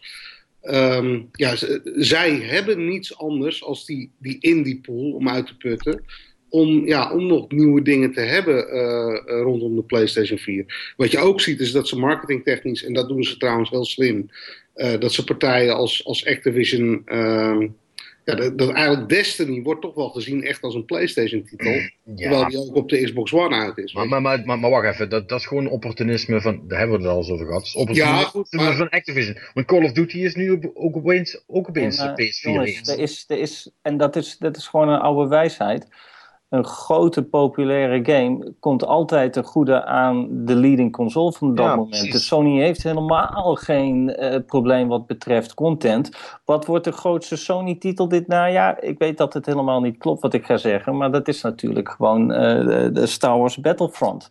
Yep. Daar gaat, dat is eh, heel gek. Het is geen exclusive, maar het gaat wel een system seller worden. Ja, ik denk dat, of merk, Duty, dat merkte je ook met Destiny inderdaad, ja. Er zitten er meer op de PS4 dan op de eh, Xbox One. Ja, maar er zit ook echt meer content in, hè? Dus dat is natuurlijk wel Ja. een ding. Dat, dat hebben ze Ja, net maar als je, als, je puur, als je puur kijkt naar de Sony exclusives, grotere titels van eigen studio's, hebben ze helemaal niks. Nee. we Nou, hebben een nieuwe Gran Horizon- Turismo. Nou, ze hebben, ze hebben. Horizon, wanneer komt die dan? Matthijs? Horizon komt volgend jaar. Dat zeggen ze, maar ja, dat is altijd afwachten. Nou, Ja, goed uit. Guerrilla, Guerrilla heeft één ding altijd wel eh, gedaan en dat is op tijd geleverd. Zij zijn launchtitels geweest verschillende keren en dat kan niet gezegd worden van eh, heel veel andere Sony studios. Ja, dat is wel correct, maar de laatste tijd, ik weet het niet, maar ik, iedere keer als ik hoor een datum hoor, denk ik bij mezelf van... Ik Hey. wacht wel tot het inderdaad zover is, want Mirror's Edge is ook weer twee maanden uitgesteld bijvoorbeeld. Ik, Ja, kijk, ik, ik, ik wil je geloven hoor, echt waar. En ik geloof ook Guerrilla wel. Ik denk dat ze daar wel een redelijk goede Ja. reputatie hebben. Alleen, het één keer is de eerste keer, weet je. Dus, Ja, de Guerrilla heeft, dit, dit. Een maakt toch niet uit? nou, de Guerrilla heeft ook wel eens projecten laten slippen hoor. Die zijn niet altijd op tijd. Noem eens er een paar. Nou, voor Killzone 2 was volgens mij niet op tijd. Ah, nee? En Killzone 3, eh wat? Was Killzone 2 geen launchtitel of ben ik nog gek? Killzone 2 was geen launchtitel, nee. De enige launchtitel die zij gedaan hebben voor een PlayStation console is volgens mij Shadowfall geweest. En de rest is allemaal Dat geen launchtitel. Ik zou zweren dat Killzone 2 ook een launchtitel was. Killzone 2 is Nee, 2009. nee, nee. Oh, Nee, Oké, ja, dan, dan, klopt het wat je zegt. Ik denk dat je in de war bent met die andere eh, PlayStation 2 shooter exclusive waarvan de naam mij kwijt is. Oh, eh, ja, eh, die met die drie ogen. eh zeg het eens. ehm, En, en Killzone 1 was ook geen launchtitel. Nee, klopt. kwam Ook pas later in het. Dus Ja. Shadowfall was een, een, een launchtitel en het was daarmee ook gelijk de slechtste Killzone volgens mij. nou, één was ook niet zo denderend hoor. Nee, goed, maar één dat, dat was nog eh, zeg maar niet door Sony gedaan. Ehm, en, die, en die laatste wel. Maar Nou ja, eh, hoe dan ook. eh, eh, oh, anders zijn we ja, daar. maar goed, ja, inderdaad. Maar eh, ja, we, we zullen het zien. Eh, Ze doen het, ja, nee, het is wat minder qua titels, maar inderdaad, ze kapen gewoon de grote titels en die Ja. maken hun eigen. ze hebben geen Daar, daar, daar, daar verkopen ze, ja, dat, dat verkoopt nog steeds prima, die PS4. Wat, wat vinden jullie van allemaal die, die VR-shit wat ze zijn aan het doen? hè? Die, die, die spin-off van eh Until Dawn. Ja, ze, Ja, vind ik ik cool. vind het een beetje opvallend inderdaad. Eh, ik weet niet wat ik daarvan moet denken, eerlijk gezegd. Ja, dat, dat, dat zal wel werken. Ik bedoel, eh, horror en VR, dat, dat zijn twee handen op één buik eh, inmiddels. Die, die rigs lijkt me echt heel tof. Die eh Guerrilla Cambridge. Nee. eh, Nee, Mannix heeft, Mannix heeft nu gespeeld en ik heb hem zien spelen. Dat- We waren beide niet at shot, zeg maar. Nee. Nee, dat was niet cool. nee. Nou, Eh, heb zetten er wel heel verhalen over gehoord Ja. hoor. Maar Ze zetten er wel heel vet in op VR. Ja, het moet De grote man heeft gezegd van dat ze daar echt eh, de breaking the mold, zeggen ze zelf. Oftewel, Ja. ze willen daar echt leider in zijn. nou, ik denk wel dat als het een groot ding wordt, dan hebben zij eh, de, beste, de beste kaart in handen. En wie is zij? Sony bedoel je? Sony, ja, tuurlijk. Crytek zit er ook op.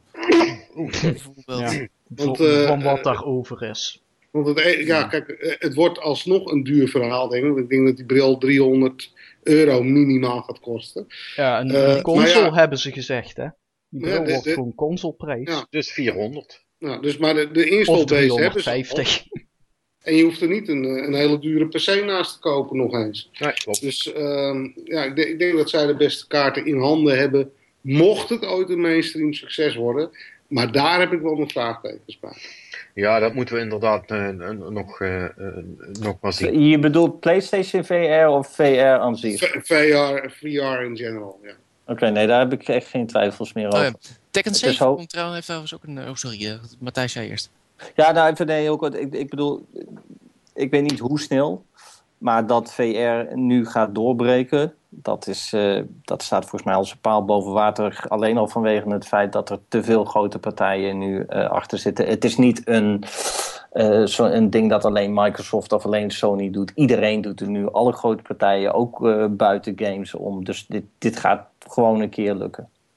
Je zou Je- zeggen van wel, ja, maar het, is ja, afwachten ja. of, je, het is afwachten of de titels aanslaan. Als het, als het goedkoper bij. wordt, misschien. Maar, Nou, het zou. Het, het, het- kijk, eh, ik ben het wel met Matthijs eens in de zin van. VR gaat hoe dan ook wel een ding worden.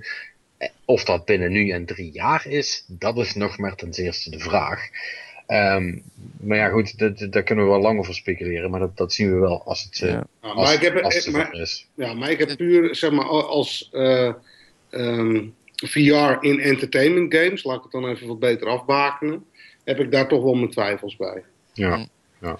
Nou ja, goed, Sony zet er in ieder geval op in. Ja, en, en, en, en dat was het dan eigenlijk ook wel, hè? Als je het puur over de exclusive hebt. Ja, ze hebben het hadden natuurlijk trailers van van alles. En, eh Gran Turismo Sport trouwens. Och, fuck! was- oh, ja, dat Ja, was- ze hebben Gran En, dat, Turismo... en dat, eh, het, het feit dat wij dat niet even vergeten waren, dat... eh, zegt- Ja, weet je, ik, ik praat niet graag over spellen die pas over tien jaar uitkomen.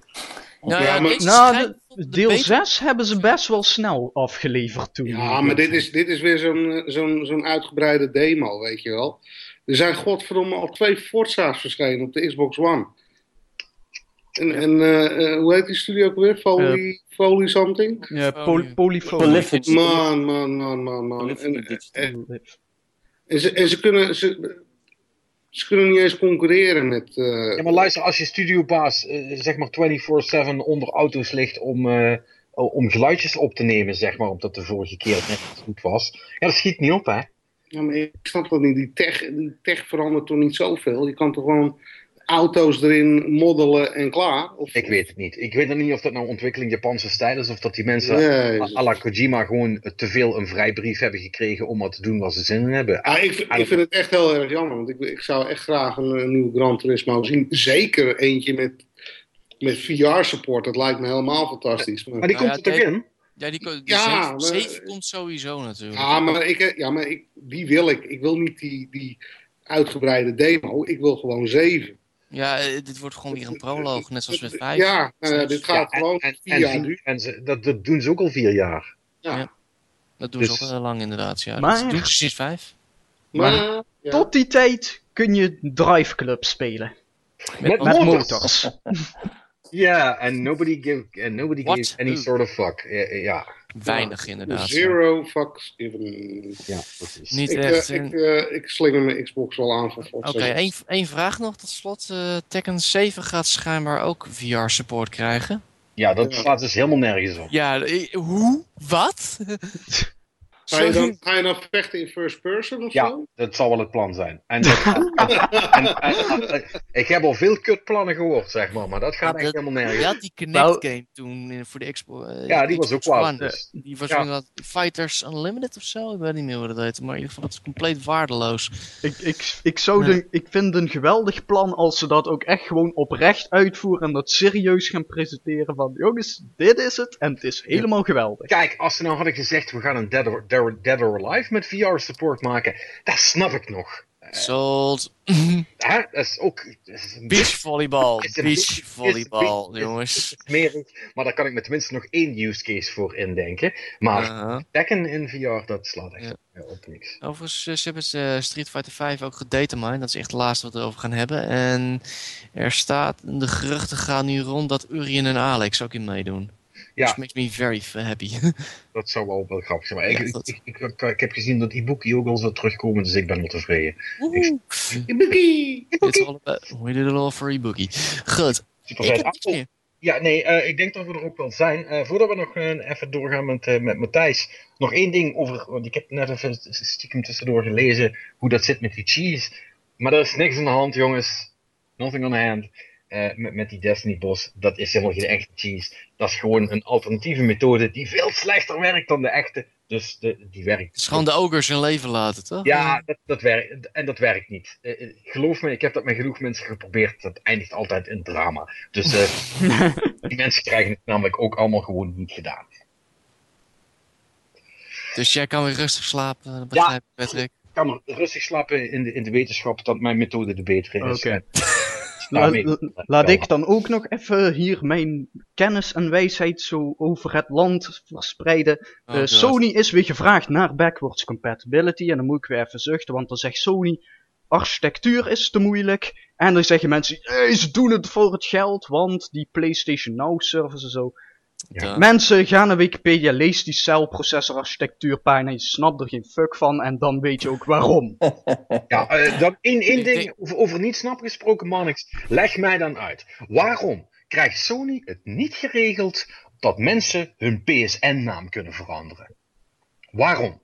Leg me dat uit. Eh Dat is Japans bedrijf, corporate as fuck, weet ik veel. Nee, da- daar is geen enkele technische reden voor. En ze zeggen gewoon, ja, we weten niet of we dat ooit geregeld krijgen. Really? Nou, het enige wat ik me kan voorstellen is waar ze bang voor zijn omdat ze het zo lang niet hebben gehad, dat dan de servers gewoon massaal gededost worden omdat iedereen het wil zodra ze Wil- Wilde je je naam veranderen dan, Pet? Nee, ik niet, maar dat is dus echt al een jaar of vijf, zes een ding, zeg maar. En ze zeggen gewoon doodleuk, ja, ja, nee, sorry, nee, nee. Maar omdat je er Ja. zo kwaad om wordt. Ja, nee, ik vind het zo belachelijk, weet je. Eh, eh, kijk, ik, ik, eh, ik ben geen serverarchitect. ik, ik, ik heb er oprecht geen idee van hoe moeilijk het is om dat in zo'n grote service te veranderen. Maar dat lijkt me toch niet onmogelijk. Maar hij wilde jij gewoon Faultless Raider of zo als, als handle hebben, of niet? Nee, ja, gewoon Des- Destiny Killer 1976.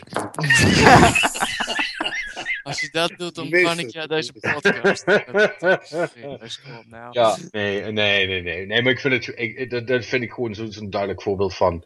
Really guys. Hoe, zat, hoe zat het ook weer bij Microsoft? Daar, daar, daar kan het wel, maar dan moet je ervoor dokken, toch? Eh, de eerste keer, eerste keer mag het nog voor niks. Dan, dan- zeggen ze nog, nou vooruit, eh, je bent eh, één jeugdig foutje mag je maken.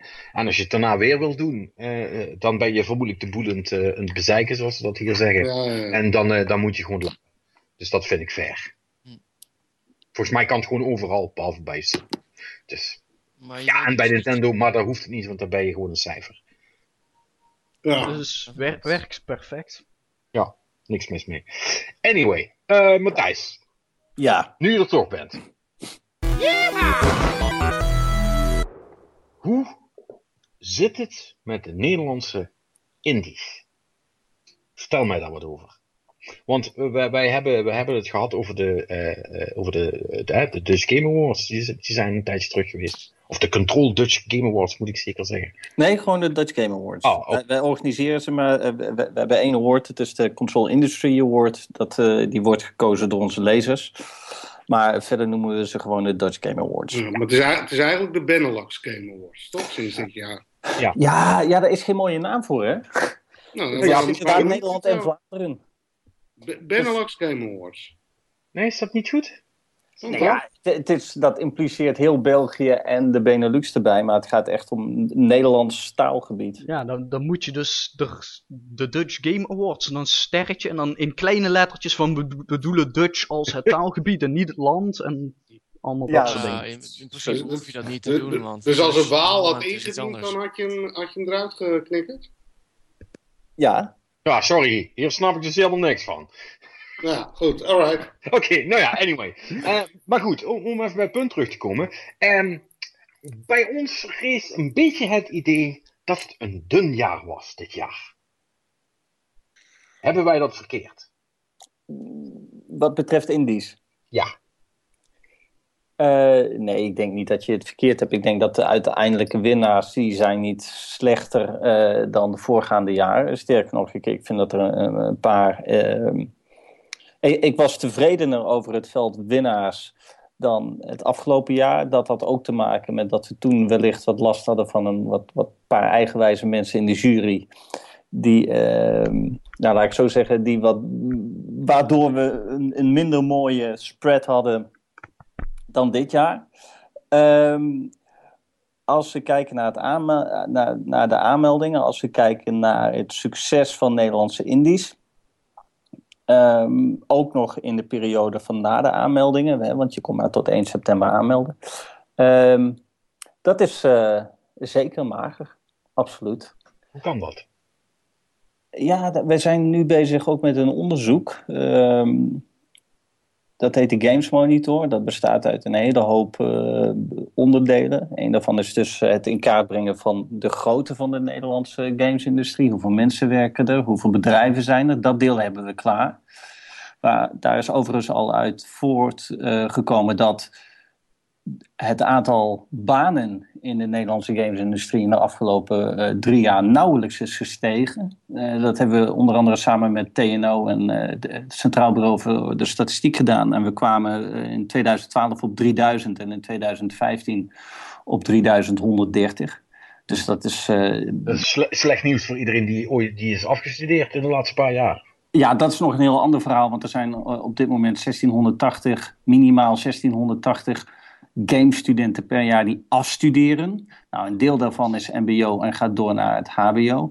Eén opmerking daar wel bij is, is dat er een hele hoop mensen die een gameopleiding gedaan hebben terecht eh, komen bij bijvoorbeeld Defensie of interactieve reclamebureaus eh, of zorginstellingen. Nou, dat kunnen wij niet meten. Wij kunnen alleen meten hoeveel mensen er werken bij dedicated of voornamelijk dedicated games bedrijven. Neemt niet weg dat als je een uitstroom hebt van ongeveer eh, de helft van het aantal arbeidsplaatsen in de sector, er een enorme mismatch is tussen het aantal studenten en de markt. Ja. Uh, maar om even terug te komen op jouw vraag, oh, mager jaar wat betreft Indisch. Ja, uh, het is inderdaad een mager jaar. Wat zijn daar de oorzaken van? Ik denk dat dat iets is dat we eigenlijk al heel lang zien aankomen.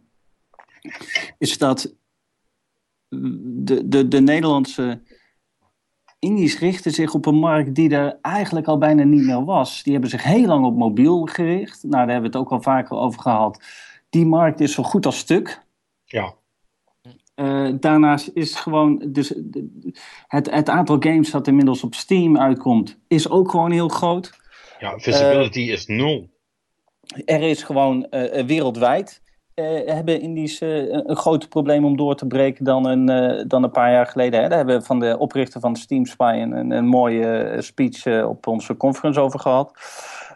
dus het is sowieso al lastig. Nou, daarbij komt dat op de een of andere manier het, wil, het lijkt wel gewoon niet meer te willen lukken. Toevallig vorige week is er dan uh, wel een Nederlandse indie die in de top 10 van Steam terecht is gekomen. Die heeft in één week meer dan 50 of 60.000 uh, exemplaren van zijn game uh, verkocht. Welke was dat? Kingdom. Het is een... Ik heb nooit voor u gehoord. Ja, nee, het is, het is echt een geweldig mooie game. Het is, het is weliswaar een pixel game. Uh, maar, hartstikke leuk. Hij uh, wordt ook goed uh, beoordeeld. En hij heeft meer dan 50.000 verkocht in zijn eerste week. Dus dat, is, dat is een, positieve noot. En je hebt dingen als Ronnie Mo blijft goed doen met zijn Awesome je hebt speedrunners. af en toe lukt het ook wel. Maar eigenlijk daarna, daarbuiten zijn bijna alle titels waarvan wij dachten van nou, die zou het wel eens kunnen gaan doen. Dat is een na de ander is allemaal uh, commercieel gezien uh, mislukt. En ja, de, of de kwaliteit is er niet uiteindelijk, of de marketing is er niet. Of zoals ik al zei, ze richten zich in eerste instantie op een markt die er niet meer is. Nou, en dan ga je van mobiel richting Steam en dan wordt Steam weer moeilijker. Er zijn een hele hoop uh, oorzaken aan te wijzen. De overigens oorzaken waar ik de, de, theorie waar ik het niet per definitie mee eens ben, is dat de, de, kwaliteit van het onderwijs te slecht zou zijn. Dat dat leidt tot slechtere games, uh, noemen een aantal mensen als oorzaak. Ik weet niet of dat uh, waar is. Ik wil geen uitspraak doen over de kwaliteit van het onderwijs. Nou, dat, het lijkt me ook lastig om te meten, aangezien het een creatieve industrie is. Hoe ga je ik, creativiteit, ik denk... puur zang goed onderwijzen? Zo. Nou, ik, ik, denk, ik denk wel, de, waar het onderwijs tekort inschiet, is gewoon uh, het, hele, nee, het, het, hele businessverhaal wordt niet goed onderwezen. Ja. Dus uh, de HKU, nou, daar komen altijd fantastische studenten vandaan die, die heel goed zijn in graphics maken. En, en dat, dat zie je ook terug in, in Nederlandse indie games. Want uh, ze hebben wel echt altijd een hele uitgesproken stijl, vind ik. Ja, ik ben even naar dat Kingdom aan kijken. Het ziet er inderdaad super, super cool uit voor het simpele stijltje wat het heeft. Ja, en, en Amsterdam is dan weer heel goed uh, in het opleveren van techneuten. Dus uh, de HVA is dat. daar komen echt hele goede programmeurs vandaan. Maar ja, geen van beide opleidingen kijkt echt naar marketing, PR, uh, hoe, hoe, start ik een zaak. Want wat je veel merkt bij, ja, bij mensen die of geen baan kunnen vinden in de industrie, die gaan dan zelf maar wat doen. Uh, anderen die kiezen daar dan gewoon bewust voor. Um, maar ja, handvatten om, om dat te starten hebben ze niet echt. Nou ja, en nou ja, Heel kort daarover. Ik vind dat een heel interessante discussie. Want je kunt je afvragen: is het nou echt nodig om van elke artist ook een ondernemer te maken? Of zijn er andere mogelijkheden voor? Bijvoorbeeld ervoor te zorgen dat er veel beter uh, de, de, teams worden samengesteld. Nu gaan mensen die samen afstuderen aan dezelfde opleiding in dezelfde discipline vaak een bedrijf beginnen. Soms gaat het heel goed, meestal gaat het niet heel goed. Je hebt niks aan een game studio die bestaat uh, uit vijf artists en verder niets. Ja. Uh, da daar zijn ook heel veel drama's uit voortgekomen. Ja, ja maar wacht even, Matthijs, want het klopt wat je zegt, maar dan vind ik het toch ook een verantwoordelijkheid van zo'n opleiding om die mensen te doordringen van het feit van, luister, de historie heeft uitgewezen dat hè, jullie samenwerkingsverband dat jullie die op natuurlijke wijze hier gaan opdoen, dat dat niet genoeg is om een, om een succesvol gamebedrijf op te zetten. Zorg dat je die hebt, of zorg dat je dit hebt, of dat dit gecoverd is. Dat, dat moeten die mensen toch geleerd krijgen dan blijkbaar, want uit zichzelf snappen ze het dan blijkbaar niet. Ja, dat ben ik met je eens. Ja. nee, maar dat is nog wel even een verschil tussen iemand opleiden tot ook naast artiest, mm. ook zakenman. Dat is waar. Ja, Ja, maar, duidelijk maken dat zijn team beter samengesteld moet nee, maar, worden. al, nee, maar al, is het, al, al zijn het enkel de basics. Hè. Ik, bedoel, ik, heb, ik heb bijvoorbeeld, ik zit in de gamesindustrie, maar ik heb totaal geen opleiding gevolgd richting eh, games. Eh, maar ik heb eh, hogere hotelschool gedaan. Nou ja, eh, ik leerde daar koken en serveren.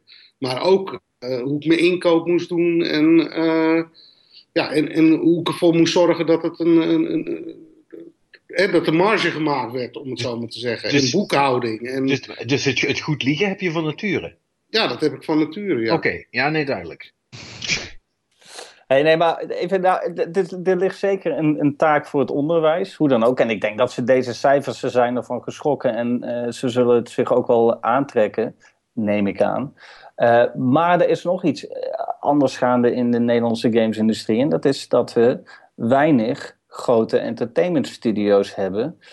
En, en dit is een theorie van mijzelf. Eh, als je nou Nederland gaat vergelijken met Polen. Vijf jaar geleden leken die landen heel erg op elkaar. Sterker nog, had Nederland een voorsprong. Als je nu kijkt naar wat er uit Polen komt. De een na de andere grote eh AAA-game die succesvol is, komt uit Polen. Nou, dat heeft onder andere mee te maken dat in. Polen CD Projekt Red een aantal keer bijna failliet is gegaan. Is financieel heel lang onzeker geweest. Ook nog na het succes van Witcher 2. Daar zijn seniors die op het allerhoogste niveau hebben gewerkt, zijn daar weggegaan, zijn hun eigen studio gestart. En met de kennis en ervaring die ze hadden opgedaan bij Witcher 1 en 2, s- dus zijn die een nieuwe studio begonnen. Versus in Nederland, waar ze de nieuwe studio's eigenlijk alleen maar begonnen worden door mensen die rechtstreeks uit school komen. Guerrilla Games is heel vroeg in zijn bestaan overgenomen door Sony en heeft dus iedereen altijd een financiële zekerheid geboden. Er zijn in Nederland eigenlijk op één na geen studio's meer opgericht door oud Guerrilla-medewerkers, of laat staan oud Guerrilla seniors. Nu wel in Amerika, waar eh, Arjen Brusset eh, samen met Cliff Blazinski eh eh, Bosky is begonnen. En eh, het, Krul zit ook bij zo'n MOBA mobile game. Maar in Nederland zie je dus geen offspring komen van Guerrilla Games. En dat betekent in feite dus dat je bijna elke studio die gestart wordt, wordt gestart door mensen zonder ervaring. Ja.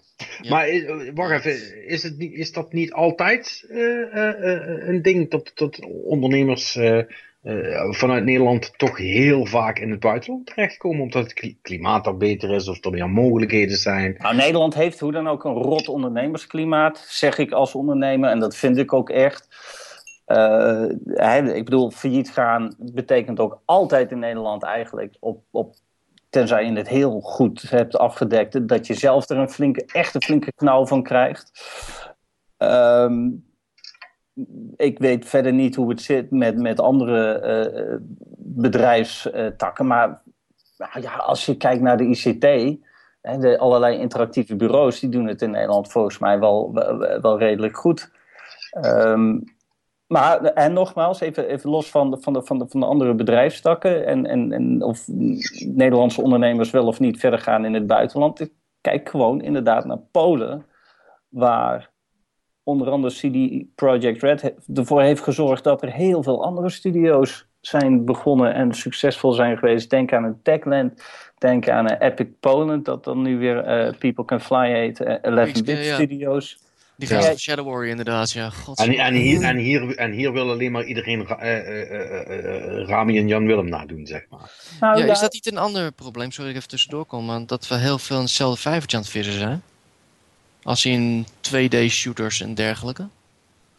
Want ik heb, ik heb een beetje de indruk dat gewoon de low-hang fruit, zoals het zo mooi heet, dat nu echt weg is. Ja. En als ik kijk naar. Rive, ik vind het een geweldige game, maar ik heb wel zoiets van, ja, eh, er zijn er wel meer van welke- leuke shooters. Sorry, welke, welke noemde je nu als laatste? Rive. Rive, Oh, Rive, Rive. ik weet iets Oh, nou, nou denk ik dat Rive misschien wel weer een, een van de games is die, die misschien wel gaat eh, doen. Juist omdat het zeer ervaren jongens zijn. Maar ja, dat, de tijd eh, zal, het, eh, zal het uitwijzen. ja. Lijkt, mij, lijkt mij geweldig. verlies. Een, een ander probleem wat, wat ik in ieder geval persoonlijk zie bij Nederlandse studio's is dat ze te klein blijven. Wat wel succes heeft gehad de afgelopen paar jaar in Nederland, even buiten Flambeerom uiteraard, dat zijn eigenlijk allemaal wat grotere teams geweest. Eh, kijk naar Triumph Studios met Age of Wonders 3. Uh, Ronnie Mo Games is een, flink team. Nou, Halo of dat nou wel of geen succes geweest is, dat zijn in ieder geval wel goede games uh, vanuit Vanguard Games. Dat is ook een groot team. En op de een of andere manier, ik zou wel eens een onderzoek willen lezen naar de, de, naar de correlatie tussen teamgrootte en het succes van de game. Natuurlijk kun je met twee, drie mensen geweldige games maken die de wereld veroveren. Maar als je niet tier zit. Dus die games die 14 tot 25 euro uh, kosten, die daar succes in hebben. Dan zie je dat het toch vaak de net wat grotere teams zijn. En op de een of andere manier ontbreekt de ambitie daarvoor bij heel veel Nederlandse indies. Ja. Is, dat, is dat typisch Nederlands of is dat gewoon een, omdat indies heel echt de darling zijn van de community op dit moment? Dat iedereen wil een indie zijn. Ja, is dat nog zo? Mm, dat geloof ik. Nou ja, maar, goed, ja, maar, dat was, ja, maar, maar, dat is ook een onderdeel ervan. Want die tijd is wel voorbij. Want je, ja. moet, ook, je moet ook als indie moet je gewoon fucking presteren nou. En je shit moet helemaal in orde zijn. Want anders eh, zeggen mensen, ja dag, voor jou nog 3600 andere games die je kan spelen. Ja, nou ja dat is het ding. Maar het is, het is ook een beetje, het, het, vergis je niet. We zitten nog steeds heel, heel, heel vroeg in de levensfase van de gamesindustrie. En het gaat nog steeds zo ontzettend hard. Drie jaar geleden zag de markt er weer zo ontzettend anders uit dan nu. Dus het, het, het is zo volatile. En dat betekent dus dat het hele idee van: hé, hey, wacht eens, we kunnen met z'n tweeën een, een game studio beginnen. Uh, jij kan een beetje graphics doen of we halen desnoods wat, wat stok binnen. Ik kan een beetje programmeren. De tools zijn zo ontzettend goed geworden dat de noodzaak een tijd er gewoon niet is geweest om een compleet team samen te stellen. Want je kon het met z'n tweeën, met z'n drieën. Het, het hele idee dat je daar dan door, daardoor uiteindelijk games krijgt die niet succesvol worden, ja, dat begint nu pas een beetje door te dringen. Dus misschien de memo pas ontvangen eigenlijk. Uh, ja, nou ja, maar uh, misschien is het ook wel zo dat dat uh, zichzelf uiteindelijk wel op gaat lossen. Dat die studio's uiteindelijk veel meer toch bij elkaar gaan zitten. Ja, en ik denk dat gewoon, ik bedoel, dat is ook de realiteit ervan. Een hele hoop jongens die gaan het gewoon niet redden en die gaan iets anders doen. Of bij een ICT-bedrijf werken of weet ik veel wat. Ze voor mij wat achter de kassa bij de Albert Heijn. Maar die gaan, het gewoon, die gaan het gewoon niet redden. En ik denk dat dat ook gewoon wel bij hoort. We hebben misschien iets te veel geluk gehad in het beginnen van de indie games. Dat een aantal Nederlandse developers daar heel goed tussenin gevallen zijn. Uh, en uh, misschien was dat wel een vloek. Ja, nou ja, een van die developers die, uh, die heeft eigenlijk precies dat verhaaltje uh, pas ook bij ons uh, oh, dat, dat, verhaal van Rami, You Will ja. Ja, dat, ja. Is, dat, dat moet dus zeg maar de eerste dag bij elke gameopleiding verteld worden. Als nou, zal ik je eens wat vertellen? We weten dat het inmiddels op heel veel gameopleidingen gewoon verplicht is getoond, dat praatje. Dat is gewoon tijdens de collegezaal wordt, wordt, wordt die YouTube-video gewoon aangezet. Uh, het, het, is overigens heel, heel, even als achtergrond bij dat praatje. Eigenlijk zou in dat slot um, Oscar, Oscar Gilbert spreken. Dat is de founder en CEO van Don't Not van Life is Strange en Remember Me. En die belde eigenlijk twee dagen van tevoren belde die af. Uh, vanwege de laatste episode van uh, Life is Strange. Dat duurde toch wat langer. Dus wij baalden ontzettend. Dus ik had Rami gebeld. Ik zei, joh, zou jij dan niet dat praatje uh, willen doen. Nou, ik moest hij even over nadenken. Ja, ik weet niet waar ik het over moet hebben. En op een gegeven moment had hij het van, uh, ja, uh, het gaat gewoon niet goed. En dat ga ik zeggen. En nou, hij hield het praatje en ik, ik, zat in de zaal en ik dacht, zo, hij is opdreef. Het is echt, het, is, ik, ik, het is een ontzettend sterk verhaal. Ja. En hij geeft op, op het einde ook wel een beetje aan. Eh, voor de mensen die het niet hebben gezien, hij zegt in feite tegen alle indies van. Ga er gewoon vanuit dat je eerste game mislukt. Want statistisch gezien is de kans ongelooflijk groot dat je eerste game mislukt. Ik geloof dat hij ook aangeeft op basis van cijfers van 85 of 90 procent van de eerste game van een indie studio mislukt, commercieel gezien. Dus de kans is gewoon 9 op de 10 dat dat bij jou ook gebeurt. En zijn idee was dan een beetje van zorgen voor dat je een omgeving creëert, dat je in een situatie terechtkomt waarin je kunt falen. Waarin het niet direct het einde van de wereld is als je eerste game helemaal mislukt. Maar eh, dat deed hij heel mooi. En hij, hij gaf ook aan van waarom die kans zo ontzettend klein is. Gewoon simpel vanwege het feit dat er heel veel mensen zijn die die games maken. En de kans dus heel groot is dat heel veel mensen gewoon stiekem ja, toch beter zijn dan jij bent. Uh, het, is, het is hoe dan ook, het is een boeiend praatje. Het is inmiddels op YouTube iets van 22.000 keer al uh, bekeken. Ja, het is echt, echt de moeite waard om te kijken. Ja, ja.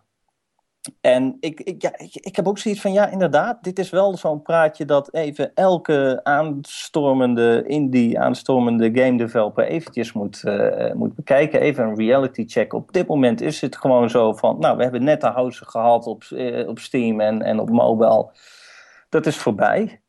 Je hebt, uh, je hebt niet meer zo heel veel kans op succes. Ja, het is wel grappig. Het doet me een beetje denken aan, ja, sorry dat ik het weer even op moet brengen, maar worstelen heeft hetzelfde idee op dit moment. Van, je, iedereen, de grootste organisatie, die zegt nu echt gewoon tegen mensen van, luister, wij willen gewoon geen 22 tot en met 26-jarigen meer. We willen echt mensen die 30 jaar, die vanaf 30 jaar willen we hebben, die mensen echt kunnen knokken en echt ervaring hebben. Dus ga maar lekker naar een uh, indie-organisatie of volg een studie dat je in ieder geval een backup hebt. De, dan, dat, die, zit gewoon 20 jaar. We hebben zoveel, zoveel kansen te slagen heb je niet in die industrie. Dus zorg ervoor dat je in ieder geval een hoge opleiding hebt. Dat je ook iets anders kan doen. Of in ieder geval iets erbij. Want ja, de kans dat je faalt is enorm groot. En ja. misschien dat je ergens anders een grootheid wordt. Maar bij ons is dat heel erg klein.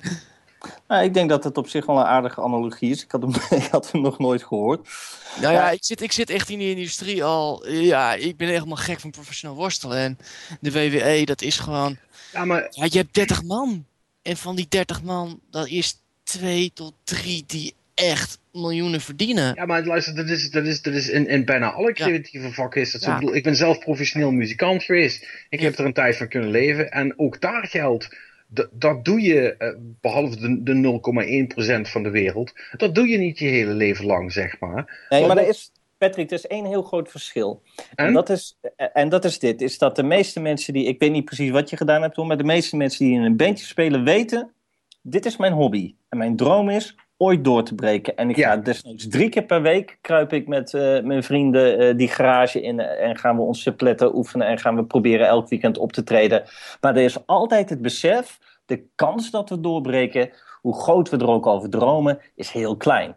Wat, je, wat ik een beetje mis en daar hebben wij misschien als controle ook wel aan meegewerkt om, om, om, om dat daarbij op de verkeerde manier in de hoofden van die jongens te krijgen en meisjes is de realiteitszin van het is eigenlijk een soort van betaalde hobby totdat ja. ik doorbreek. Ja. En maar daar, nou, moet, maar, daar mag ik nooit van uitgaan, inderdaad. Kijk, en, en, hè, want ik, ik snap wat je bedoelt, hè, maar, maar er, was, er was in de jaren negentig, ik weet niet of dat nu nog bestaat, was er ook een rockacademie. Daar kon je dus opgeleid worden tot muzikant, zeg maar. Ja, dus het, het, het, het, het, het verloop, uh, dat kan je natuurlijk wel raden. Al, bijna al die mensen zijn vreselijk gefaald. En de, en de enigen die daar succes hadden, waren zeg maar de leden van Crescent, die al een redelijk goed lopend bandje hadden en dat dan daarnaast deden om een, om een diploma te hebben. Maar uh, het feit dat er een opleiding bestaat om zoiets te doen, wil niet zeggen dat dat een garantie is dat je, dat, dat, dat je baan kan zijn, zal ik Nee, zeggen. maar dan toch weer even, er is ook nog wel een ander verschil. Als je leert programmeren uh, voor een game, kun je ook uh, een bankapplicatie maken. Ja, Als je leert uh, gitaar spelen, dan kun je alleen kun maar gitaar, gitaar spelen. spelen. Ja, ik wil zeggen, dus die hebben het nog beter. Maar, maar hoe, hoe kan dat dan? Want je zegt net zelf, ja, we staan er misschien zelf een beetje voor verantwoordelijk. Maar wordt het dan niet eens tijd om de waanzin te stoppen en die, die mensen wat realiteitszin bij te brengen? Of maak je dan... Nou ja, ik, of, ik, of, ik, ik weet niet of je, of, je, hebt gezien waar wij de laatste, uh, het laatste jaar mee bezig zijn geweest. We hebben een business special uitgegeven uh, waarin we eigenlijk niets anders hebben gedaan dan een beetje business sense uh, vanuit de ervaren jongens naar de begin uh, communiceren. We hebben vijf, zes praatjes geprogrammeerd op, het, uh, op de conferentie, waar gelukkig ook heel veel studenten waren, die echt gaan over: oké, okay, uh, jongens, het, het is gewoon lastig om door te breken. Ja, nee, we hebben we bijvoorbeeld uh, de, de, van de Vlok, dat is een studententeam. Uh, die hebben twee, tweeënhalf jaar heel hard gewerkt aan ja, de game. En die Alle zijn... tweets waren super positief die zijn ontzettend op een smoel gegaan. En die jongen die daar persoonlijk in heeft geïnvesteerd, Uh, die heeft daar een praatje over gehouden. Ook onder, uh, dat is overigens ook uh, op YouTube flink opgenomen, ook door Polygon en andere websites. Ja, het klopt, ja. 33 op Metacritic. En dit is mijn verhaal. Nou, dit is zo'n waardevol verhaal. Ja. Dat je dus gewoon weet dat je na twee jaar en keihard werken en, en positieve pre-hype, dat het nog echt volledig mis kan gaan. En bij hun is het niet eens alleen commercieel falikant misgegaan. Maar ze hebben ook gewoon de hele community, Steam community over zich heen gekregen. Ze zijn uitgemaakt voor oplichters. En nou, ja, tegenwoordig kan dat allemaal maar heel makkelijk online. Yep. Maar ze hebben zoveel over zich heen gehad. En ik ben heel blij dat hij dat praatje heeft durven houden. Dus in zoverre, wij proberen er van ons uit uh, van alles aan te doen. Tegelijkertijd, het is absoluut niet onze verantwoordelijkheid. Zo voel ik dat ook helemaal nee, niet. Nee, dat is, dat is ook wel waar. En, en daarbij is ook, voor ons betekent het gewoon heel simpel. Wij zien de Nederlandse gamesindustrie maar niet groeien. Oké, de applied kant, dus de toegepaste games, doet het goed. Daar zijn genoeg opdrachten voor. Dus dat kun je altijd bij wijze van spreken uh, nog doen. Om het maar even heel kort door de bocht te zeggen. Maar wij zullen ons veel meer moeten gaan richten op de internationale markt. Is het, ik ga nu een beetje cru zijn, maar moet de opleiding misschien minder mensen aannemen? Of is dat overdreven? Dat lijkt mij wel een strak plan, ja. Nou, dat Ja. lijkt me... eh, kijk, we hebben eh, een paar jaar geleden die vraag al eens gesteld op het eh, Control Game Lab dat we toen nog deden. eh, Dus zo'n live show. En toen hadden we ook allerlei vertegenwoordigers eh, van gameopleidingen. En de- gewoon gev- gewoon gevraagd van waarom neem je niet gewoon minder mensen aan? Want dat speelde toen ook al. En daar kwam gewoon het antwoord op, dat kan niet. We mogen, je je hebt zo'n opleiding of je hebt hem niet. En als je die opleiding hebt, mag je daar niet een numerus fixus op zetten, tenzij, Oh, ja, je, kunst, tenzij je een kunstopleiding hebt. Nou, volgens mij is het zo Ja, dat als je... wat? Journalistiek heeft dat ook hoor. Een, een, eh, een aanname, een meldsto- d- d- Sorry, Ja. een, min, ah, een limiet aan aanmeldingen. Ja, volgens mij is dat bij... bij eh, eh, Dus zelfs dat is toch te veel, eerlijk De, gezegd. de, de, hotel, de hotelschool heeft dat ook. En, niet dokters, en, en, en de, de doktersopleidingen, noem het maar allemaal Ja. op. Nee, wacht even. De, de doktersopleiding eh, is een... eh, de student eh, of de studie medicijnen is gewoon notoir eh, heftige numerus fixus. Eh, maar in elk geval, zij zeggen dat zij dat dus niet eh, officieel niet mogen. En dat dat dus een van de redenen is dat die, populair, of dat die studies zo populair zijn. Ja, weet je wat het is? De opbrengsten voor die opleidingen zijn natuurlijk Ja, tuurlijk. Ja, ja. evenredig aan het aantal studenten. En als zij Ja. gewoon merken dat Ja. zijn populaire opleidingen, ja, dan willen wij er ook heen. Ja. Ja, ik bedoel, de, de, de, en er zijn genoeg opleidingen die nergens op slaan en die super druk bezocht worden, omdat Mhm. mensen dat wel leuk lijkt. En er eventueel misschien een super vette baan uit kan rollen. Voor 2% van de mensen. Maar dat zeggen ze er dan niet bij. En ja, nou ja, goed, daar doe je dan toch niets aan. Kijk, eh, uiteindelijk, eh, en daar, daar heeft Thijs ook wel gelijk in, eh, dat is niet aan controle of, of aan ons of aan wie dan ook om dat op te lossen. Als die mensen dat gaan studeren en er daarna geen werk meer kunnen krijgen en, eh, eh, hè, en ergens anders terechtkomen waar ze het misschien niet leuk vinden, ja, daar zijn ze dan zelf bij. Ik bedoel, dat zijn de keuzes die je maakt. Nee, En- dat is waar, maar het is wel zo dat we, en, en daar voel ik eh, me wel mede verantwoordelijk voor, dat we in elk geval eh, moeten zorgen voor een gezonde realiteitszin bij Ja. iedereen. Dat is wel belangrijk. En dat is wel iets waar we de laatste paar jaar wel heel druk mee bezig zijn. Ja. Maar denk, denk je dan, om even terug te komen op de originele vraag, denk je dat het volgend jaar beter gaat worden? Of, is, of zijn, we, zijn we nu eh, op Ja, ik vind, het, ik, vind het, ik vind het heel moeilijk, omdat ehm, ja, we voeren nu ook vrij veel gesprekken met de industrie om, hè, om hun input eh, te krijgen voor het rapport. En daar hoor je sommige mensen, eh, eh, die zijn heel positief. Maar ja, ik vind het echt heel erg lastig als ik kijk naar de enorme sloot commerciële mislukkingen van de Nederlandse games in entertainment games industrie van de afgelopen half jaar alleen al. Bijna, bijna alle indie games gaan commercieel gezien op een smoel. Het zijn echt uitzonderingen eh, als, als, het, als het wel goed gaat. En ik zie. En, het, en, het, en er zitten ook gewoon echt hele goede titels tussen. Daar zitten fantastische titels bij. Kijk, sommige titels gaan op een smoel omdat ze niet goed zijn. Maar dat is dus het lullige aan, aan de industrie. Maar dat heeft de muziekindustrie heeft dat altijd al Precies gehad. hetzelfde. Je kan Ja. een geweldige band zijn en iedereen kan roepen, je, je maakt een geweldig album. En nog steeds kan niemand hem kopen. Nou, dat gebeurt dus nu ook bij de gamesindustrie. Alleen dit gebeurt nu bij Nederlandse eh indies wel heel erg veel. Ja. Dus ik Ja, weet niet of het volgend jaar beter is. Ik hoop het, ik hoop het, ik hoop het. Nou, Fingers crossed dat ze... eh, Ik vind, het wel een beetje een treurige uitzending. eh. Ja, sorry, ik werd vorige week. eh, eh, we, doen dit onderzoek onder andere samen met de Dutch Game Garden en TNO. En, en de, de ene keer presenteert de een de cijfers. En vorige week was ik aan de beurt in Hilversum op een klein congres. Met eh, onder andere veel tv-makers. en nadat ik mijn verhaal had gedaan, was, het, was de sfeer was ook wel een beetje weg. Ja, het klinkt een beetje zo'n eh, brenger van, van, van een, een doemverhaal. Eh, Kijk, wij, wij, wi- wij wisten dit eigenlijk al heel lang. We zagen het aankomen. Alleen we hadden nooit de cijfers om het te onderbouwen. En nou, nu dat we dus met die groep het onderzoek gedaan hebben, hebben we dus de cijfers om inderdaad te zeggen van jongens, de, de, het gaat niet helemaal zoals we eh, het hadden verwacht. ja, nee, En dat is geen leuk verhaal, nee. Wilt, u, wilt u een domper op uw conferentie? Bel met Thijs Dirk. maar, maar, maar, maar zie, jij, zie jij nog een licht aan het eind van de tunnel? En, zo ja, waar komt dat dan? Nou, vandaan? op de, ik denk niet op de eh, korte termijn, maar wel op de middellange termijn. Ik denk wat er op dit moment gebeurt, het is heel gunstig. Iedereen schikt.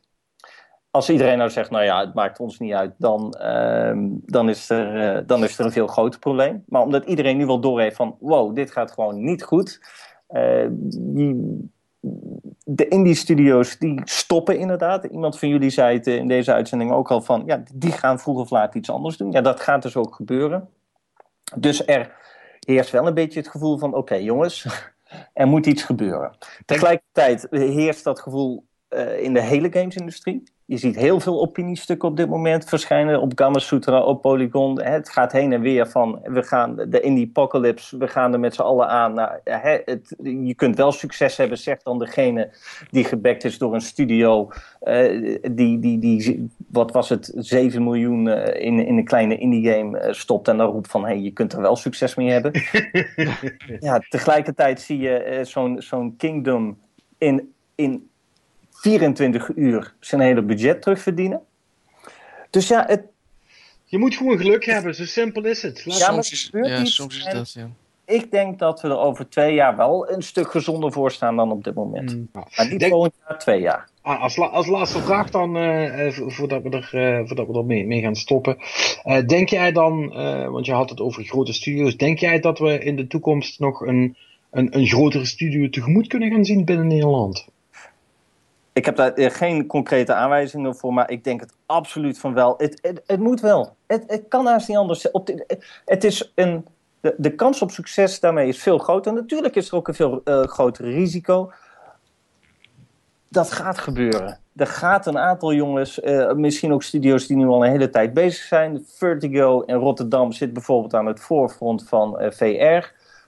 Die, die zitten aan tafel met, met Oculus en met de grote jongens daar. Valve en zo. En Valve inderdaad, klopt.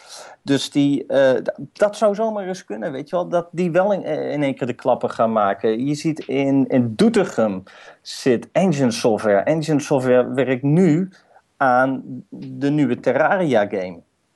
Daarvan weet je op voorhand dat dat een, een, een klapper gaat worden. En ik, ik weet een heel klein beetje hoe een deal in elkaar zit. Nou, dat is als. Dat, dat, zou zomaar inderdaad een nieuwe grote studio eh, kunnen worden. Je hebt er nog een, eh, ook in, in, Rotterdam, die bijna. We hebben een vacaturewebsite en daar, daar zie ik wel wie daarop adverteert, wie op zoek is naar mensen. En je ziet sommigen die wel elke week twee of drie vacatures plaatsen.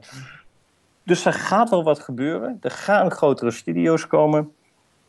Het gaat alleen nog even duren, denk ik. Ja, d- ja, het hangt natuurlijk. eh, Wat wil ik zeggen? Ja, ik zit me ineens te bedenken aan het verhaal van. nou, sorry, ik ga weer worstelen noemen. Edge en Christian, dat is een tag team. En die hadden echt alles aan gedaan om over met. Oh, dat hij populair te worden bij het publiek. En uiteindelijk eh, zijn ze, dat, is dat gelukt door ja, een kazoo. Dat is een K-A-Z-O. Ja, ja, ik weet wat een kazoo is. Wat is je, wat is je je, wat wat is je, dat vraag ik me meer af. van andere worstelaars daarmee. En iedereen vond dat zo schitterend. Ineens waren ze populair. En het is eh, ja, eentje van die is echt eh, top dog geworden daarvan. eh, van, de, van de organisatie geworden. En soms is het heel erg lulligs. Waardoor iedereen heel erg populair wordt. Waardoor ze populair worden. En dat weten ze door te pakken. En neem, mee te nemen en steeds groter te worden. Het is soms echt een heel klein dingetje waarmee wat aanslaat. Ja, Het weet je, lullig juist van entertainment. Ja, en ik Ja, moet zeggen, zal ik jij even een mooi voorbeeld geven van de andere kant van de, van de medaille? Is Ja. trouwens heel erg het kijken waard. Moet je de documentaire over Anvil een keer kijken. Dat is een metalgroep, Ja, toch? Anvil is een metalband. Die waren dus, die zaten in dezelfde generatie als eh, de Metallica's en de Anthrax'en en noem het maar allemaal op. En toen die hele scene net opkwam, waren zij net zo goed. D- Dit is dus een band eh, waarvan eh, echt mensen eh, als Dave Grohl en, en Lars Ulrich en, en alle, zeg maar, alle grote jongens uit de, uit de metal en rockwereld zeggen, ja, ja, dat was toch wel een, voorbe- een, een, een voordeel, voorbeeld voor ons. En die jongens, die krijgen het na 25, 30 jaar, ik weet niet hoe lang ze nu inmiddels bestaan, krijgen het nog nauwelijks klaar om een café vol met mensen, zeg maar, vol te krijgen. En toch blijven die nog doorgaan. Als je een keer, zeg maar, ehm, Ja. hoe moet ik dat zeggen? Eh, het is geen schadenfreude, want je krijgt echt met die jongens te doen. Maar als je dan een, voorbeeld wil zien van hoe het, hoe het niet goed kan aflopen, moet je die vooral kijken. Die is echt Nog erger dan Megadeth, dus hoor ik al. Oh, veel. Oh, oh, honderd keer erger. Honderd Wauw. keer erger. Het is echt, echt, je moet bijna huilen als je het ziet. Het is echt, eh, eh, als, het, als je als indie developer denkt, ik ga het helemaal maken, want ik zat bij de eerste, eerste generatie erbij. Kijk vooral die documentaire ben je meteen genezen. Nou, en nu we toch allemaal in de feeststemming zijn, denk ik Ja, dat het een goede is dat, dat we gaan stoppen. En eh, bedankt- bedankt voor het lachen. Het was gezellig. Nou, graag gedaan. Sfeer maakt het goed Mystische stand. uitspraken over de gamesindustrie. Nee, nee. Oh, jongens. Ja, fuck it. Soms moet die shit gewoon gezegd worden. Nee, d- dankjewel eh, dat je er was. En jullie voor de rest ook allemaal bedankt voor het luisteren. Wij zien jullie natuurlijk volgende week graag weer terug bij een nieuwe Game Cowboys podcast. Tot dan.